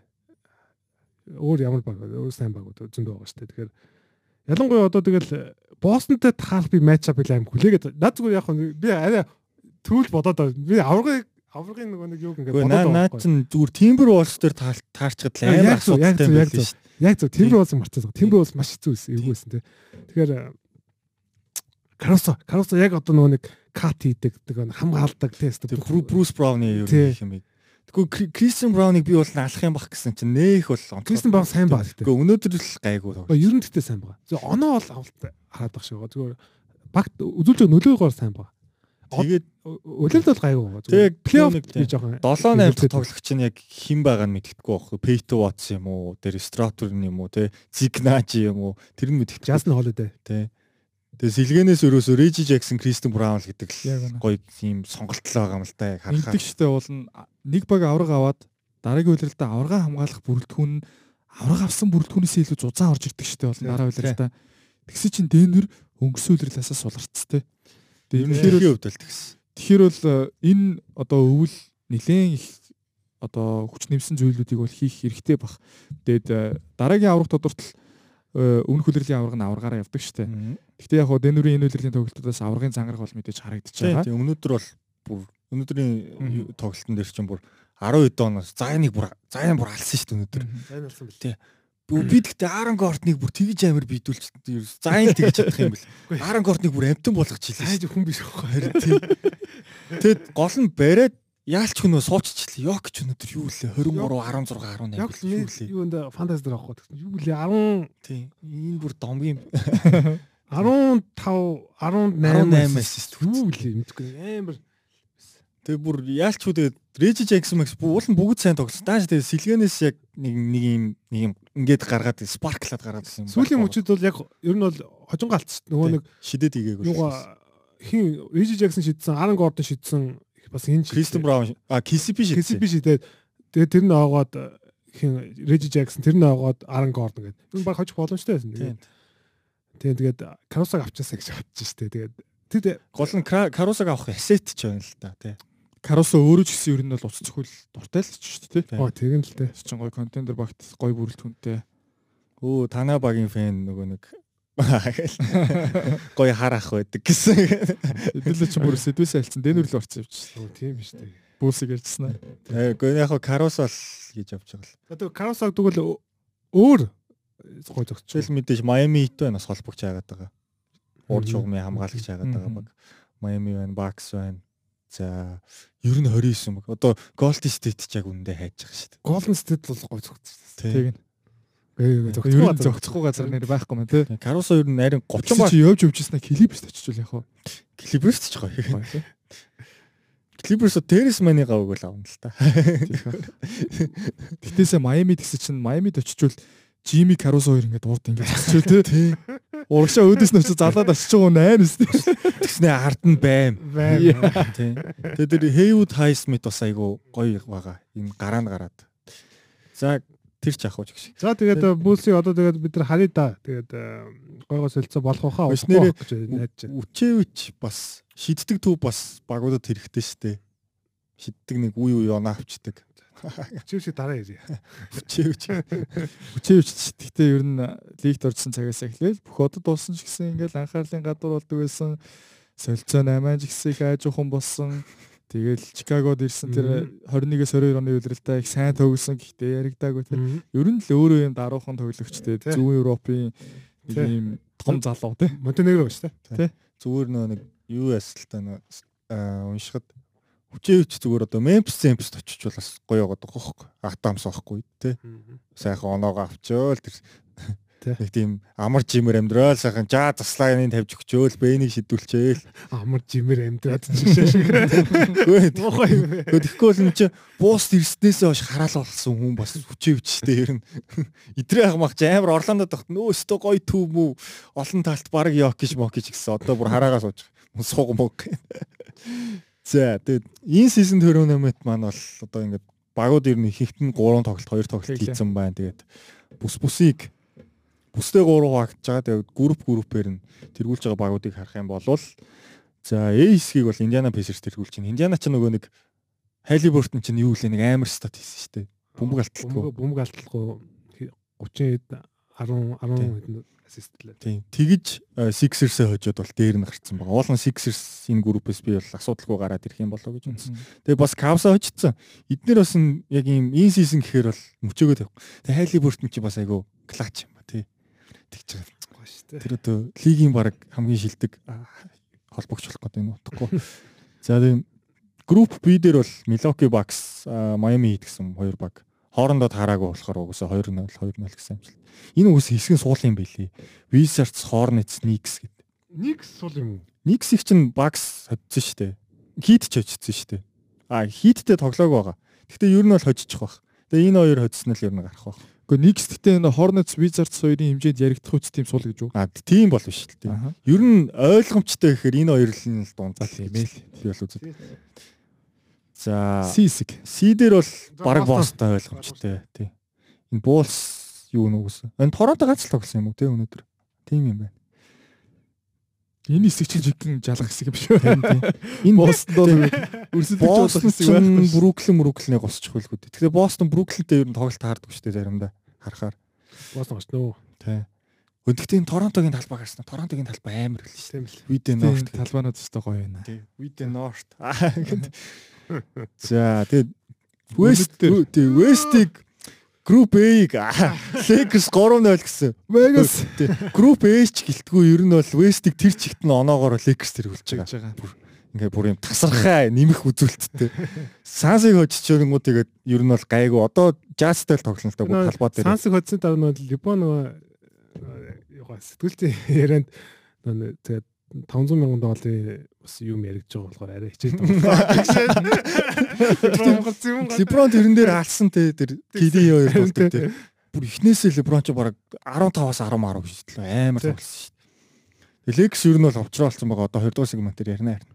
Энэ дээр бол тэгээд Санс Феникс ирүү дараагийн шатуудтай олон оноогоор очиж байгаа юм бол вайлд картаар ороод ирэх бүрэн боломжтой. Лекс одоо Ютадад тоглоогүй юм тий. Тий. Ютаг хавтаа тэгтээ лайны те. Лекс ер нь тийм айгүй дандаа хэцүү өрсөдөж байсаар ирсэн шүү ер нь. Тэгээ нөгөө олиник молиник гинт галзуураад. Өнгөрсөн жил яг нэг плей оффд орох гэж байгаад олиник чинь самбардаж нэг хийгээд бас нэг яасан шүү те эйгүү одоо нөгөө THD чинь чинь лекерсийн талбай дээр ирээд хүн биш болно. Амар болно Кларксон Кларксон чинь буцаад нөгөө те үндэсний телевизээр гаргана ядж байгаа тэрийг супер сайн болчихно үстэй. Тэгээ нөгөө айгүй бол нөгөө нэг Walker Kessler ороод ирнэ. Тэр тэр нэг сууг байна гэсэн. За би эсхийг Pelicans тэргүүлж байгаа. Pelicans өнөөдөр Denver-өө хожоод дээр нь гарсан байт юм аа. Denver-ыг би бол энэ дээрс бол бүр ямар ч асуудалгүй гарах нөө гэд. Би уусаад нөгөө Dallas-ыг хожичхоор нь тэгж бодсон бохоо. Тэгсэн чи гүүн бэлээ. Энэ бол бүр амар зоон байгаа шүү дээ харахаар. Тийм байна. Тийм байна. За C хэсэг. C дээр бол Sacramento юу Minnesota юу. Одоо энэ хоёр чинь хоорондоо тулаад дээр доотох нь хийдэл уралцсан шүү дээ. Тийм. Warriors юу хоёр ч OKC хоёр чинь BB нэ ингээ хожицсан байгаа байхгүй. Тэгсэн. Энэ хэсэг ч гэсэн тэгтээ чанга маа. Ер нь ингээд чанга чанга чанга энэ чанга. Ер нь ингээд өрнөдийн 3 хэсэг бол гурлал чанга. Өрнөд чинь 13 чанга багтаа байгаа байхгүй. 12 болсон одоо. Memphis хасагдсан. Memphis нэрээ угаасаа одоо Маркус Смарт байхгүй, Тилмэн байхгүй гэдэг. Ер нь хэцүү байлээ. За тэгвэл энэ season tournament гоё болж байна те. Талбай малбаанч гоё байна. Өмсөл өмсөл нь гоё байна те. Би тэр нэг юу л жазын тоглолт. Ягаан дээр би нүд өвдөх юм баг гэсэн харьцангуй гайг. Улааныг бодвол гайгүй л шүү. Наад тэр талбаандаас бол тэр саансын талбай юм таалагдсан. Нэг тийм нэг юм чернэлийн ягаан. Тэгэхээр тэр нэг голын нөгөө бичгэн бичгэн амар тийм гоё граффити дээр амар гоё л лээ. Санс ч ерөн сүүлүүд нэг тийм маягтай болоод байгаа шүү дээ. Өмсгөл нь тэр граффити шингэсэн. Тэгээд ягаан гих орж ирээд тий. Тэгээ ягаан өгчин тэр нэг юм улбар шар хар өнгөмөгтэй ямар ч гоё зохистой. Индианагийн бас гоё нэг гэгээлэг нэг тийм гоё тал байгаа. Тэгээ сансыг яг нэг сандживэл 2005 онд үчиг нэг нэши үйт ч яг тийм улбар шар юм юутай байсан шүү дээ. Хар тэр үеигтэй ер нь адилхан. Тэгээд энэ энэ формат бол гэхдээ их дэжгүй гоё юм байна. Одоо ингээ харж байхад тоглогч нар ингээд энэ жил ингээд анх удаага шинээр туршиж байгаа формат шүү дээ. Тэгэхээр одоо улирлын зүгээр энгийн энгийн тоглолтуудаас ямар тач их л өөр байна. Хандж байгаа хандлага тий бүгд бэртлээсээ орж ирж байна. Чиглэж байгаа. Тэгээд одоо тоглолтын өмнө ингээд game time decision гэжсэн тоглогчид энэ төгөлтөн дээр бол оролцож явах жишээ нь тий. Бусад энгийн зүгээр одоо улирлын зүгээр энгийн төгөлтүүд дээр бол game time decision гэсэн төгөлтчд бол оролцохгүй байж ах жишээ. Иймэрхүү байдлаар ерөөдөө төгөлтчд бүгд их одоо нөөц бололцоогоо шавхсан хичээсэн. Ямар ч тач нэг одоо өөрөө хүсээгүй ч гэсэн ингээд нэг энгийн улирлын төгөлтүүдээс арай өөр форматтай арай өөр ингээд нэм бонус монустай гэдэг утгаараа ингээд төгөлтчд өөрсдөө шавхаад байгаа хэрэг Тэг яг бонус монус дагасаас гадна ер нь үзэгч дараа илүү үзнэ гэдэг утгаараас ч юм үзэгч илүү харуулъя те нэг тийм илүү нэг тийм хүсэл бол байгаад байгаа. Тэгээ prime timer илүү телевиз рүү ингээд яатсан ч юм уу. Тэгээд одоо NBA-д одоо яг манай манай манай хөлнгийн стайл орж ш тэ цомын одоо тэмцээнүүд тий манай Premier League ч одоо ингээл чийж мэдэхгүй л тэ FA Cup, Carabao Cup гэдэг л болдог байхгүй тэ гоё гоё тэмцээн болно тэгээд бас гоё одоо тэгээд энэ одоо нөгөө нэг win season tournament-ыг юун зарах гээд байгаа. Одоо нэг өөр нэг платформ зарах байгаа. Netflix-аас яригдж байгаа. Тийм, Netflix л HBO үс яригдж байгаа. Тэгэхээр бас нөгөө нэг лиг бас нөгөө нэг мөнгөө илүү болохгүй те. Нэг юм зориул зорилготой л ийм л юм болж байгаа. Тэгээд Тэгээ лиг мөнгө олно гэдэг чинь багууд их мөнгөтэй болно. Багууд их мөнгөтэй болно гэдэг чинь тоглогчид мөнгөтэй болно. Тэгэхээр хичээхээсээр харахгүй болж байгаа. Тоглогчид мөнгөтэй болно гэдэг сайхан амьдралын цаашлуулаа тий. Тэгээд яг энэ одоо нэг мөнгө шагнал бол яг байгаа. Гэхдээ зүгээр яг том тоглогчнод мөнгө шагнал нөх амар тэгж юу болох вэ? Зарим нь одоо нэг юм санд гаргаад байгаа шүү дээ тий. Шууд плей-офф ирэх авдаг ч юм уу тий. Хайрээс хилцсэн биш. Зарим нь эсвэл нөгөө нэг юм плей-оффд ороход нөгөө талбайн давуу талтай гаргадаг ч юм тийм нэг арай нэг хөшүүрэг бас байх хэрэгтэй гэсэн тийм үл. Наа чи ер нь тгээ хилцэн болохоор энэ бүсэд тэргүүлээд байгаа юм биш. Индиана яг энэ плей сизон энэ төрнөмөл аваар алаад байгаа байхгүй чи. Өмнө нь бол Максид яг яг хоёр дараалал тоглсон. Би өмнө яасан бохгүй. Слип босгосон бохгүй яг тэр өдөр. За Sixers ч Pacers-ээ хожичих байлгүй дээ одоо. Хоёр дараалаад тоглож байгаа юм ч юм гэсэн чи бүр бүр алсан шүү дээ. Амар гайхалтай. Тэгээд э, одоо эсгээсээ гараад Vegas очихын сүлээж чинь тийм Vegas гоё юм болох байх тийм. Гэтэ тэр нь болохоор яг аваргын төлөөх тоглолт нь л нэг илүү тоглолт гэж авах юм байна ш 83 дахь тоглолт. Аваргын төлөө тоглож байгаа хоёр баг 83 тоглолт игээд бусд нь бүгд 82 тоглолт. Тэгэхээр бас гоё гоё. За тэгээд ер нь группээс гарсныхан дараа л яг аваргын хамаг мав гэж өгмөр юм л. Тэгвэл одоо л хаана яг юу болж байгаа юм бэ? Би энийг ойлгохгүй. Яг групп группийг л ойлгохгүй байна. Группээс гарсны дараа л ойлгох. Тийм. За за за тэгээд үндсэн за нэгдүгээр сегмент маань орчин үеийн те одоо ингээд иймэ тиймэ энэ сизонд юу болж ийн одоо мэдээллүүдийн талаар яриад дуслаа. За хоёрдугаар сегмент бол за илүү нөгөө нэг оролцож байгаа зохицсонгийнхаа дуртай сэдв дуртай багуудын талаар тоглогчдын талаар ярилцдаг сэдв болгоё гэж бол ер нь зориод байгаа. Тийм болохоор за Lakers-ийг тийм Lakers-ийг бол ер нь бол үлрэл эхэлснээс хойш нэг тухтай яриаггүй. Бид хоёр тэгээд угаасаа Lakers үлрэлийн тугш яригдана ер нь Леброн ер нь хүүхдлээл яригдах байх гэж бодоод. Тэгээд төвшөө маань ер нь 2008 оноос эхэлж тэмцсэн гэсэн. Тэгээ би би ч чам Кобигийн фэн гэж бодоод байсан чи ер нь бол зөвлөлээс юм байна те. Тэгээд Лекс фэн. Ингээ хоёр дахь хэсэг маань эхэлсэн үү? Эхэлсэн эхэлсэн шүү. Аа за. Подкаст арай нэг юм пауз маус үлээгээд. Энэ нэвтрүүлэг шиг бодоод байгаа. Маа подкаст л хамаагүй шүү дээ. Тэгээд Legacy-г бол 8 оноос хойш тэмцсэн. Тэгээд одоо сүүлийн жилүүдэд бол Legacy-ийн фэнүүдийн хувьд үнэхээр сайхан юм цаг мөч тохиож шүү дээ, тий. Сайхан 2020 онд бол бид авраг авлаа. За хүмүүс баблын авраг гэж ярьдаг. Гэхдээ хизээж цаасан дээр баблын авраг гэж баг тий. Тийм болохоор бол Legacy-ийн фэнүүдийн хувьд бол сүүлийн жилүүд сайхан цаг хугацааг бол өнгөрөөж байна. Тэгээд нэг хэсэг бол бас аргалаа шүү дээ. Коби зодог тайснаас хойш тий. Тэр 13, 4, 5, 6, 7, 8 он хоорд ирээл явснаас хойш Lakers юм бас хар бараа дурсан ч үт шүү дээ. Тэгэд бүр Гэтэ яагаад ч юм ингээд би тухайн үед ингээд багийнхаа төгөлтийг үздэг байсан. Тэгээд ингээд ийм итгэл найдвар байдаг шүү дээ. Одоо гараанд нь та нар бодоо. Сакре, Райн Келли. За тэгээд нөө нэг өө Wesley Johnson мос явж байсан. Wesley Johnson Завер Хенри тий нэг иймэрхүү төгсчд байдаг байсан шүү дээ.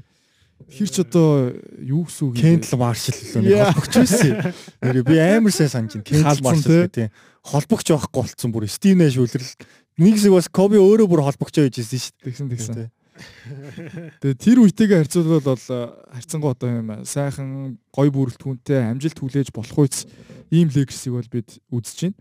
Тэгээд Мэдээж 2020 онд авраг авснаас хойш яг Антони Дэвис, Леброн Джеймс гэдэг энэ хоёр тоглогчийн одоо хамт тоглож байгаа нь 90 цаг үед Lakers-с одоо үлрэл бүхэнд л аврагын амжилтыг хүлээхээр л болчлоо л доо. яг энэ хоёр тоглож хамтдаа төгссөн үйлрэл бүхэн л яалтчгүй Lakers гэдэг баг аваргын контентеруудын дунд яригдчихэдэг. Лигийн одоо гол фаворит багуудын дунд яригдчихэдэг ийм байсан. Тэгээд сүүлийн жилүүдэд бол фейлдлээ. Аварган хамгаалдаг үйлрэл бол Lakers бүрэлдэхүүн дээрээ төдийлөн бас ажиллаж чадаагүй болоо гэж бодсон. 2020 онд бол Lakers бабл давраг авснаас авсныхаа дараа одоо гол гэсэн төлөвч нартайгаа гэрээгээ байгуулж чадаагүй бол бас явуулсан шүү дээ. Тэгээд Монсрел харал Андре Драма нэг юм том нэрс авцсан л та тийм.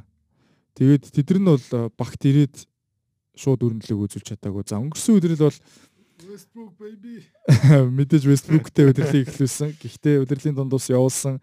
Тэгээд Pelinka гэдэг хүн бол үнэхээр мундаг ажиллаж байна тий. Тэгээд ер нь бол Lakers-ийн бас энэ 8-аг хийдэг энэ эрхмүүд бол үе үед бас мундаг байсаар ирсэн. Мич Купчак ч гэсэн их мундаг байсан шүү дээ. Мич Купчак бол яг Embiid их одоо энэ солилцоо 8 багийн одоо бусад үлдсэн 29 багийн ингээд э, удирдлагуудтай хийдэг тэр харилцаа холбоогоор бол лигт толгой зөгдөг ийм хүн байсан шүү дээ. Яг энэ үнээс суралцсан хүн Роб Пелинг аахгүй.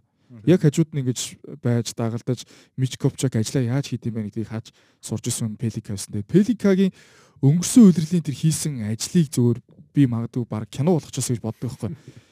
Кендрик Наан одоо хин хийж үлээ тийм бүрэлдэхүүнийг өрнөд бүсийн зэрлэг өрнөдийн аврагын төлөө өрсөлдөх хэмжээний бүрэлдэхүүн болгоцсон байхгүй юу? Тэгэхээр бол Роб Пелинка гэдэг хүнд бол яг энэ Лексийн сүүлийн үеийн амжилтууд бол тэр чигтээ шууд холбогдно. Тэгээд ямар ч тач бол их сайхан ийм үлрэлийг бол эхлүүллээ гэж харж байна. За тэгвэл асуулт асуугаад ер нь явбал зүгээр бах те. За 18 онд Либро ирсэн те. За тэгээд Либро ирээд эхний үлрэл фейллээ. Тэнгүүд одоо тий Либроны прайм тайм дуусчих. Либрон гिचиж гэл баах юм явсан шүү дээ. Тэгээд одоо хүртэл ч гэсэн тэр юм яригдчихлаа л дээ. Тэгээд Lakers-ийн фэний хувьд одоо Либрон ирэхэд ер нь ямар байсан бэ? Ямар хуу нөхцөл байдалтай хүлээж авсан бэ? Ингээл одоо хүртэл чи бифтэй байдаг нэг юм амар том хоёр фэн бис явдсан шүү дээ. Тэр тал дээр чиний хувьд ямар үзэл байдалтай байдаг вэ? Одоо чи яг үндсэн Lakers-ийн фэн гэж явж байгаа юм биш. Тийм.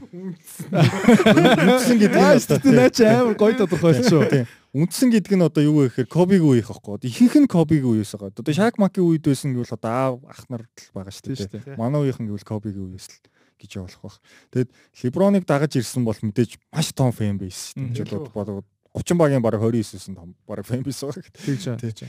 Тэгээд энэ дунд ер нь ямар үзэл байдалтай байдаг вэ? Тэгээ одоо жишээлбэл юу гэдэг Lakers-ийн фэнүүд өөрсдөө Либро авчвал манай багс иргэн гэж бас боддог. Ихэнх нь амар сонио. Би яагаад юм мэдэхгүй тэгж боддог. А тэнгууд Либроны фэнүүд Lakers гэдэг багийг боддгоо. Lakers гэдэг багийг Libro ирээд аварсан гэж нөгөө төлн зүгээр ингээд ярих дуртай. Яг нэг ийм хоёр том фэн бейс маргалтан байгаад байдаг.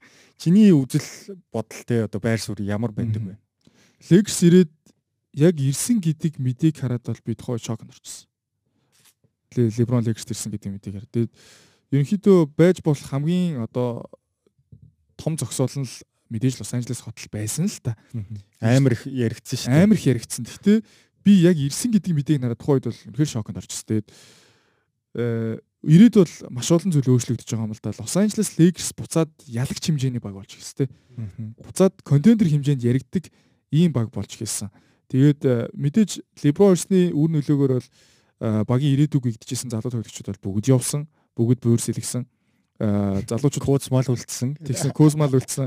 Кузма гэхдээ Леброны хажуу төгсөн тэр хоёр үлрэлтээ бол их сайн төгсөн шүү. Тийм.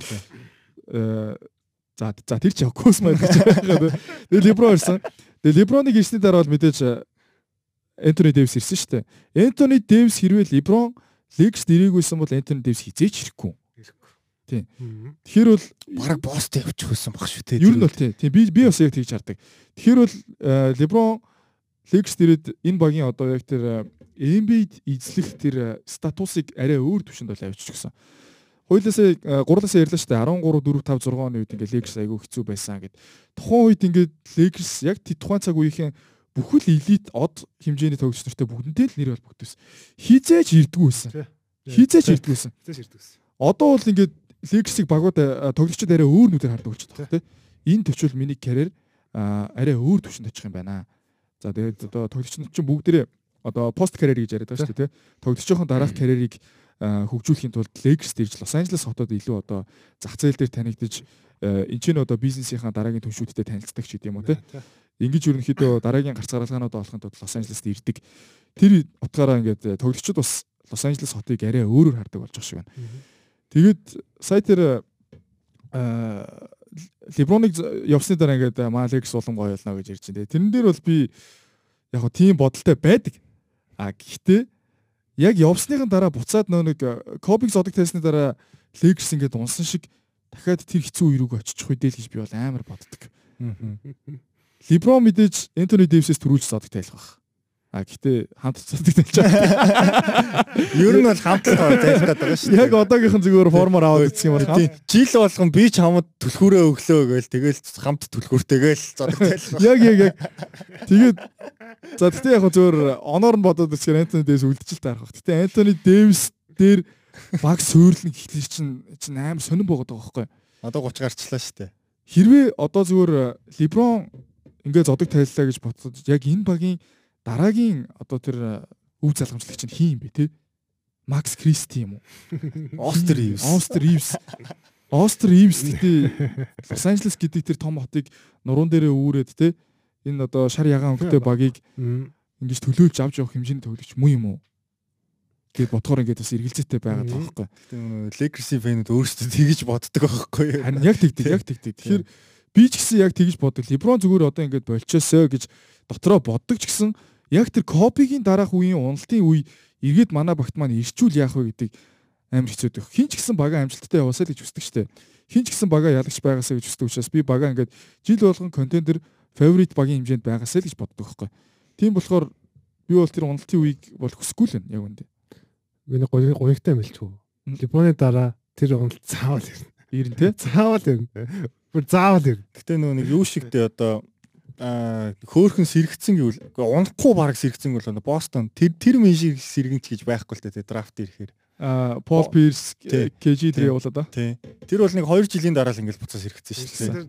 Дэни Энжи нэг заваан юм баггүй юу? Лөөврийн тий. Одоо Ликстарда драфт их байхгүй. 29 30 оны драфт драфт байгаа. Тий. Энэ бол болоогүй. Ер нь яг хөө тэгээд Либон явчихад Либон гэдэг нэр чинь бүр амар том нэр байхгүй. Ерөөс амар том нэр. Тэгээд Либон хэрвээ явчих юм бол энэ багт ирэх хүн ирэх одоо суперстар хэн байгаа? За за тухайн суперстар хэн бол бид нар одоо Лука Дончич, Лука Дончич. Би бол Янасыг гэж хардсан шүү дээ. Леброныг Лексис зодог тайсны дараах одоо бамбар сая сунгачлаа шүү дээ. Зүгээр яг 26 нэг зүгээр би яг зүгээр Лука Йокич Янас гэдэг нэрнүүд бол Лекс л ихгүй байх ч. Юм уу? Антони Эдвардс магадгүй. А бас тийм тий. Антони Эдвардс одоо яг болж байгаа. Антони Эдвардс одоо юу шүү дээ энэ Миннесота гэдэг энэ хүүтэн газраас явахыг одоо хүснэ. Хэрвээ авраг авахгүй бол явахын түүс шүү дээ. Тий, энийг ялчвал авраг авчих. Тий. Тэгэхээр зүгээр би бол зүгээр Лексийн ганц гарцуул Антони Эдвардс гэж бодож байгаа. Тэгээд холын ирээдүйд үү. Тий. Гэхдээ ер нь бол хэцүү. Ер нь бол одоо тэгээд Лекс яа харахгүй Либоны дараа уналт ирнэ. Тэгээд Либон гэдэг мэдгүй би бол яг одоо тэр саяны дээр одоо Либон ирээд манай багийн болчлоо гэж юу ирээд сая төвшөө хэлсэн тий ямар аргагүй байлаа да тий. Либон ирээд энэ багийг чинь суг татаж босголоо штэ тэгээд Антони Эдвардс ирлээгүй Антони Эдвардс. Антони Дэвис ирлээ тийм ээ. Антони Дэвис ирлээ. Авраг авлаа. Хүү энэ авраг гэдэг юм чинь яаши тийм усан авд юм уу усан авд юм уу? Авраг авах гэдэг чинь амар хэцүү байхгүй юм бэ тэгээд одоо Бостонтой нөгөө нэг байрны тоогоо тэнцлээ шүү 10 18 билүү 17 17 тий юу яриад байгаа юм бэ? Либон ирээд Либон ирэхгүй ирэхгүй байсан бол тэгээ жалах хэмээрэл байхгүй. Юу яриад байгаа юм? Харин фэнүү тэгж ярьдаг байхгүй амар сонирхолтой ингээд Либрон ирээд ингээ манай баг ийм ийм болчлоо. Тэ ингээд тоглогч ингээд ингээд өөрсдийнхөө тэ дасгалжуулагч хөл толгойн болтгүй тэгж ярьдаг байхгүй. Яг зөвхөн тэр нөгөө хүмүүсийн фэнүүдийн яг нэг бодол нь одоо нөгөө Кобигийн фэнүүд байгаа. Тэгээд тухайд нөгөө Коби Лебон гэдэг одоо нэг rival rival гэдэг өсөж. Тийм учраас яг гоо одоо нэг rival учраас нөгөө тоглогч нь жоохон дургуй ч юм уу те. Тэг тийм цэвэр хейт явж байгаа. Би бол тэгэл хардаг. Тэрнээс Лебон гэдэг тоглогчийн хувьд бол бүгд л одоо ямар агуу тоглогч вэ гэдэг мэдэн штэ. Тэгэхээр бол зүгээр нэг тийм нэг дотор инер хейт. Тэр л боцолдог л болов гэж боддоо штэ. Тэгээд мэдхгүй одоо тэгээд Лебон явхаа тэгээд харанда бөнөр те. Лебро ирээгүйсэн бол харин ингэж бод юу нэг Рандл Инграм Лонзо 3 дээр босгох байсан юм шиг байгаа. Шиг өв фэнүүдийн хувьд бол нөгөө нэг яг драфтын хоёроор авсан хүмүүс шүү дээ. Тэгэхээр тэгэж босгоод босгоод одоо хүсрээл тэгэж босгоцсон нь баг Pelicans байгаа шүү дээ. Одоо тэгээд Лонзо хаана. Тийм тий. шүү дээ. Тэг тэгэж босгоод амжилттай он баг Pelicans л та. Тэгэхээр Ingram номер 1 гэж байна. Ingram номер 1 Randall ямар Randall яг сайн байгаа л тэгэл зүгээр Лос Анжелес хотын номер 1 юм уу? Лос Анжелес хотыг ав- аврагын хэмжээнд гаргах гэрнэг дээр байж болохгүй л. зүгээр тийм хүсэлтэй байдаг л гэж би ойлгоод шүү дээ. Тэгээд авраг гэдэг бид нар бас заримдаа яг Legacy фэнүүдийн учраас нэг юу гэдэг Авраг аваа сурцсан. авраг авсан. Авраг хамт аим хэцүү байхгүй шүү дээ. Аим хэцүү юм байдаг байхгүй. Тэгэхээр бид нар 20 оны авраг бол Одоо энэ жишээлбэл саяны Дэнүр ингээл анхудаага түүхэндээ анхудаа аврагаа болно гэл. Юу болчихж байгаа шүү дээ. тэгээд Тэр чууд энэ ч одоо бүр бүтэн жил баярлж байгаа шүү дээ тэр чи. Legacy нэг азгүй өмнөөс юу пад тэмдэглэв тий нөгөө ковид үед Тий. тэр жоо хэцүүс. Сайхан интернетээр л яваад байна. За энэ үлрэл рүү орох энэ уу? үйлдэл рүү оръё да. За тэгээд энэ үлрэлийн хувьд тийм. 6 7 6 амжилттай байгаа тий. Ер нь за санснаас ер нь ямар хуу ихлүүлж байна тий. Мгм. Legacy өн хөнгө ер нь ямар хуу байна тий. Яавал аврагаа урахаарай. Нэгдүгээр ч яг 100% эрүүл сар бол эхлүүлсэнгүү. За удирлыг эхлүүлсэн Gab Vincent дундаас наалга болчлоо. Э, Jared Vanderbilt битлээс ирээгүй байж гин. Ингээд бол яг 100% үндсэн бүрэлдэхүүнээрээ цаасан дээрх үндсэн бүрэлдэхүүнээ бол бид хараахан үзэж бол амжаагүй байна. Тэгэхээр бол э, Lakers-ийн хувьд харьцангуй дайггүй эхлэл. А дээрэс нь багт ирсэн ингээд шин тоглогчид одоо Cam Reddish ч юм уу, Tauron Prince ч юм уу тий. Шин тоглогчид багт ирж байгаа ингээд эхний одоо энэ уусалтын үйл явц өрнжин л доо багт. Тэгээ дээрэс нь Dermham одоо яг тоглогчнэрийнхөө минутыг хуваарлж дөнгөж сурж байна. Зөв.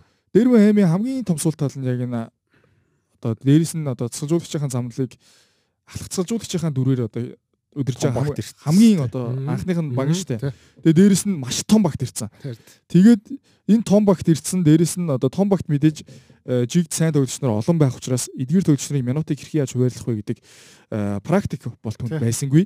Тэгээд бол э, өнгөрсөн өдрөл плей-оффын тоглолтууд дээр ч харсан NBA удирдлагын тоглолтууд дээр ч гэсэн харсан. Тэгээд минутыг бол үнэхээр хуваарлж чадахгүй байсан. Тэгэд энэ үдэрлээс бол харьцангуй хуваарлж чаддаг болчих.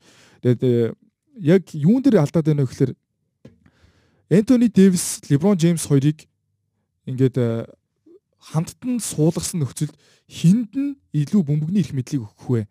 А дээрэс нь энэ хоёрыг э, хамтдаа байгаа талбай дээр байгаа нөхцөлд үлдсэн гурван тоглогчноор нь хин хэнийг тоглуулах вэ гэдэг энэ их ойлгомжгүй байсан. А энэ жил бол харин арай гайгүй болж ах байна. Тэгээд э, Руи Хачимура, Cam Reddish одоо нэг юм завсрын нарыг ерөнхийдөө их дайггүй ашиглаж байна. Дервхэм. Тэгээ Дервхэм одоо энэ минутын а, хуваарлалтаа илүү төгсрүүлчих юм бол Lakers-с бол энэ үдрэл амжилт хүлээж болох бах. Амжилт гэдэг бол гэхдээ мэдээж аврах штэ. Чиглэг баха. Тэгэхээр бол өнгөрсөн үдрэл а, бүсийн финалд гарцсан багаас энэ жил бол финал руу гарan цаашлаад авраг авна л гэдэг а, зүйлийг ярина. Тэгээд энийг ч гэсэн Lakers-ийн одоо арын албаныхан удирдлагууд маш сайн мэдж байгаа учраас энэ зам бол бүрэлдэхүүнээ их сайжруулж чадсан. Тэгээд э, одоо зөвхөн минут дээр яриад нэг юм хэлчихэд Макс Кристи гэж залуу өшөө илүү эрхчлөө олгоосоо өшөө илүү минут өгөөсэй гэж бол миний хүсдэг. За NBA-ийн одоо бусад багийн фэнүүд байвал Дараа чи ирээдөө. бусад багуудын фэнүүд байвал Макс Кристи гэж залууг нэг сайн мэдэхгүй байх зүгээр 2 жилийн өмнө ингээд нүдийг нь таглаад ингээд нэг ярьж байгаа бичлэгнийх нь хэсэг их од болсон. Кобитэй ингээд их адилхан харагддаг гэдэг. Аа тий тий. Тоор санаж байна. Тий тий тий. Ковид нэг адилхан гэдэл нэг нүдийг нь тахилгын санасан. Тэг ингээд нүдийг нь таглаждаг байхгүй. Тэгээ нүдийг нэг авсаж Макс Кристи гэдэг. Яа ингээд ярьж байгаа амных нь хэсэг нь бүр Кобитэй амар адилхан харагддаг. Тийм тэр бичлэгээр нь бол мэдэж магадгүй. Тэгээд Макс Кристи гэж бол энэ жил одоо хоёр дахь удирдалтаа тоглож байгаа юм залуу байгаа. Тэгээд э, удирдлагын өмнөх пресисний тоглолтуудад бол Дермхэм Макс Кристид нэг 20 гаруй 25 орчим минутыг бол исэн. Тэг камерын тишээс илүү минут авчихсан. Тэгжсэн. Тэгээд би бодсоо аахгүй. За энэ үдрэл ер нь бол энэ залууд нэлээд минут өгөх юм байна да.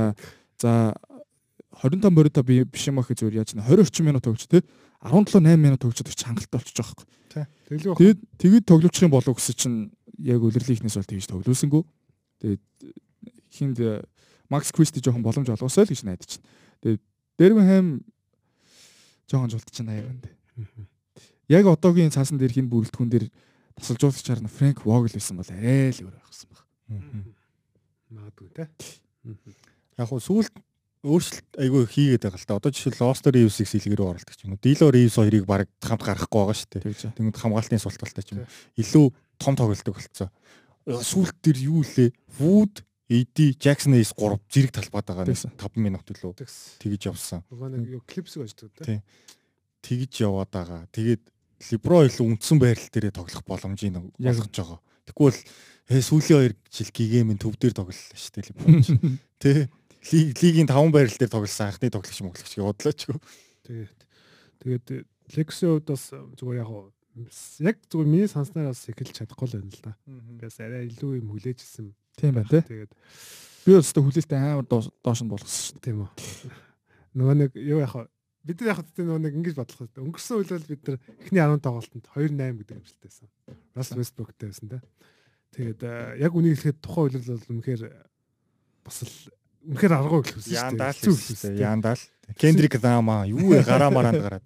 Гураас хийхгүй баг 10 тоглолт явуулаад ирчихсэн. Тэгсэн чинь одоо Роб Пелика нэг эргүүлээл бүсийн финал руу гаштай тий. Тэгэхээр тийм учраас яг хөөхгүй хүлээлт ихтэй байсан. Яг тэр хэмжээнд бол тоглож чадахгүй байна. Гэхдээ аа зүгээр хамгийн гол нь ярих юм бол энэ Либон гайхалтай. Либон одоо нөгөө нэг үеэл нөгөө нэг хөлний гимтэл аваад плей-оффын үе ирсэн шүү дээ. Плей-оффын аваа өмнөх ирсэн тий. Хоёр тоглолтын өмнө ирсэн шүү дээ. Тэгээд яг плей-оффын тэр хөлнийг нөгөө гимтэл авахаас өмнө их сайн тоглож шүү дээ. Яг тэр нөгөө нэг мань үний яг тэр нэг тоглолтод болоод яг тэр плей-оффд ирээд яг тэр Либоны тэр нөгөө нэг шахсан тоглолтууд ч юм яг тэр нэг өөрөө жоо гимтэлтэй байгаад гэсэн. Тэгээд тэгээд тоглолт нь яг тэгж болоогүй.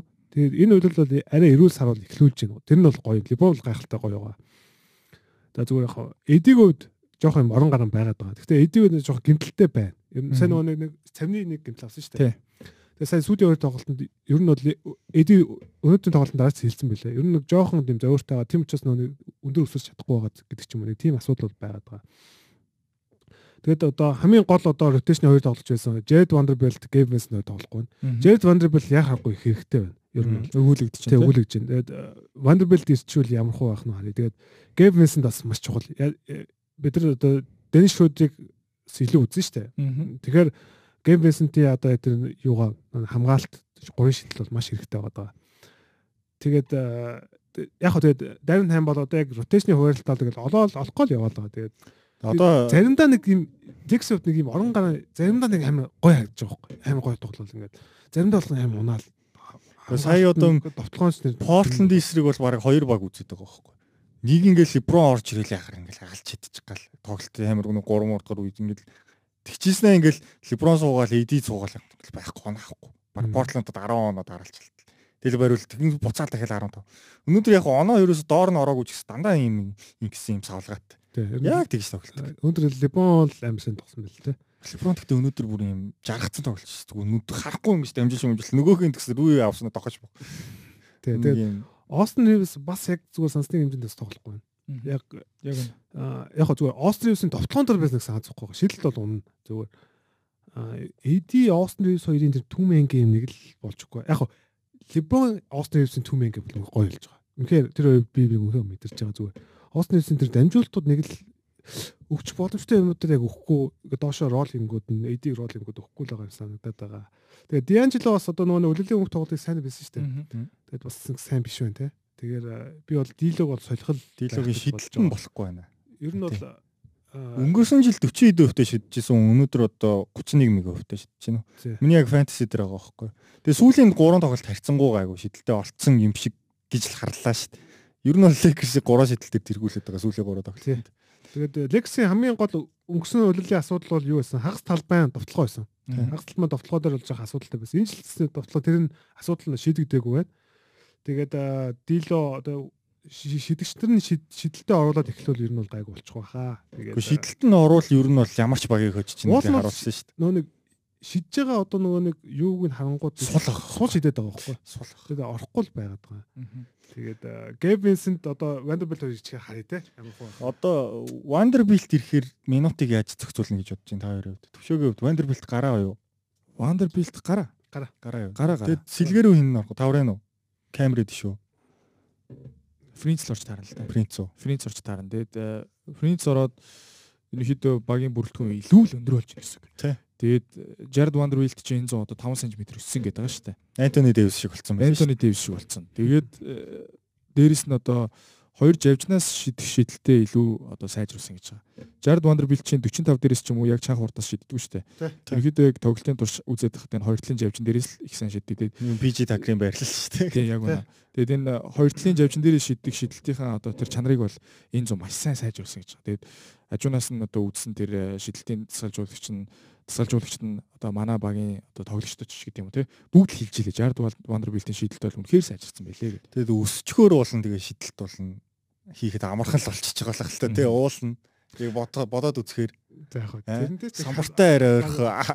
Зүгээр яг Вандогийн нэг юм дуцтаад байгаа нөгөө нэг юм. Вандогийн энерги дуцтаад байгаа. Вандос нэг юм нэг юм. Самбаас аваад ингээл бүх ингээл аим итгэвтэй те ингээл гар нь ингээл хаа. Болоод тэгэл тусалж хамгаалаад тэгэл дотлооны самт аим зүтгэдэг шүү дээ үсрээл авдаг те тэгэхээр тэр вандогийн тэр нэг хичээл зүтгэл тэр нэг энерги итгэх их л хэрэгтэй санагдаад. Тэгэхгүй нөө нэг эдил липон тэр липонц ингээд заримдаа ингээд ерөөсөн ингээд заримдаа ингээд нэг юм менежмент нэг тоглох сонирхолгүй болцдог ч юм уу нэг хаждаг штэ ингээд хамгаалахгүй болцдог болцдог ч юм яг нэг өөрийгөө нөөжл байгаа л да тий. Тэгэхээр вандаг яг тэр нэг хэрэгтэй байгаа байхгүй. Яг тэр нэг юм хамгаалтын тэр энерги тий. Өнгөрсөн үеэрдээд Wonderbilt ирээд Lakers-ийн хамгаалтын үзүүлэлт ийм байж байгаад ийм болсон шүү дээ. Лигийн шилдэг хамгаалалт болсон. Лигийн шилдэг хамгаалалттай баг болсон. Тэгээд Вандог ирэхээс өмнө баг 25 байсан санагдаж байна хамгаалтын зүйл. Тийм юм болсон. Тийм. Тим хэмжээний одоо хамгаалтын одоо EFNC манай одоо сэлгээний сандалт те одоо энэ тоглолтоос өөр хувцастай ингээд сууж ин гэхлээр бас жоо харамсалтай л гоё стилтэй л залуу байгаа. Их гоё юм Миннесота энтерт байснуудаа гарцлал их гоё стилтэй авцлаа Лос Анжелес дээр. Тэгээд Лекс дээр бас нэг юм юм байна. Вуд өө маа нөгөө төвч юм блэ. Хейс. Джексон Хейс хоёрын энэ сэлгэнээс ирж байгаа одоо төвийн байрлал дээр одоо довтлогооны тусламж их одоо өмнө нь байгаагүй юм зүйл болж байна л да. 2020 онд Lakers авраг авахд сэлгээний төв нь Жавал Маки Dwight Howard хоёр байлаа. Тэрний дараагийн үйлрэлд Марк Газол, Андре Драмонд хоёр те. Монтресэл. Монтресэл харил байлаа. За тэрний одоо өнгөрсөн үйлрэлгээд бодоод үзэх юм бол за манай өмнөд судаан чи юм билэ? Габриэл. Тэг Венен Габриэл байсан. Эдгээр тоглогч нарыг хараад үзэхээр ингээд Big Man-ы буюу ингээд төвийн тоглогчийн байрал дээр Lakers дандаа хамгаалтын тусламж сэлгэнээс авдаг байсан. Тий. Сэлгэнээс гарч ирсэн төвүүд нь дандаа талбай дээр зөвхөн хамгаалахад өрхтэй. Эсвэл ингээ хоёр дахь боломжоор л оноо авдаг. А энэ удаагийн Jackson Hayes болон Wood энтер бол илүү одоо довтлогоон дээр тусалж ин сэлгэнээс гарч ирээд довтлогоон дээр тусалж байна гэдэг нь зөрүүд Anthony Davis довтлогоонд илүү бага ачаал байна илүү бага ачаал довтлогоон дээр авсан Антони Дэвис зөрүүд яг өөрхөн үндсэн одоо нэг хамгаалт зөнхөсөн тоглолтоо шийдний нөгөө тал талбай нөгөө талд үзүүлэх боломжтой болж байна л да. Ингээд бодоод үзэхээр Антони Дэвисийн одоо тэр хоёр талд хоёуланд нь идэвхтэй байх тийм шаардлага баг багаар багасч эхэлж байна. Антони Дэвисийн ачаалч гэсэн үнийгээ дагаад харцангуй гайг болж байна. Тэгэхээр Антони Дэвисийн бэртэл гимтэл ч гэсэн үнтэй холбоотой яригдах бах. Тэгээд яг энэ хоёр тоглолчин Jackson Hayes Wood хоёрын тусламж бол өмнө зүгээр миний энэ яг LeBron Энтони Дэвис хоёрын хослол бүрдсэн энэ 90 цагаас хойш өстой харж байгаагүй юм одоо тоглооны тусламжууд байгаад байгаа юм. Ер нь Big Man-ийн сэлгээ айгу муутайс Хоордыг хоёр ч удаа авч үзсэн те. Маркос бол жоох хөшөрцөн байсан. Драмд бол өөрөөсөө тэгж товтлогоо үсгдэг ч биш юм. Дөрөв жил нэрэ Мо Бамба Габрил хоёр л өссөн те. Мо Бамбаас баг тоглоогүй дээ. Тий. Мо Бамбач дуу болсон дөө гэж.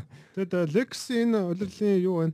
Offensive rating байгаа тоглооны рейтингээр 21 байгаа. Ер нь бол тоглоом жоохон жоохон л нэг л хагас талбайн тоглоом жоохон таарах байна. За defensive рейтингээр бол юу 17 байгаа.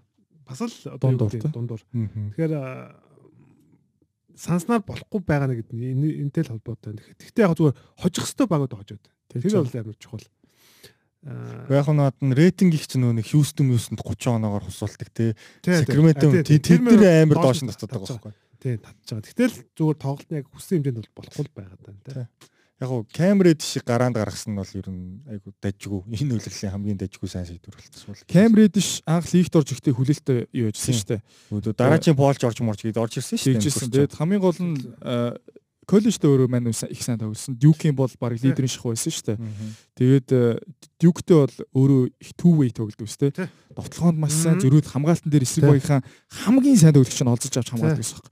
Тэгээд Атлантад очсон. Атлантад очсон чинь байрал дээр нь давхцсан тоглогчид бүр маш их байсан. Хатер Богданович гэлээ. Яг үнэ. Тэгээд эдгээр тоглогч нарт бол мэдээж минут хуваах шаардлагатай болсон. Тэгээд талбай дээр Атлантад бол гарч байгаа шалтгаан зөвхөн л хамгаалтыг л хүсдэг байсан Кэмер ээж шээс. Яг нөгөө нэг Duke-д байсан тоглооны их мэдл бол түүнд байсангүй.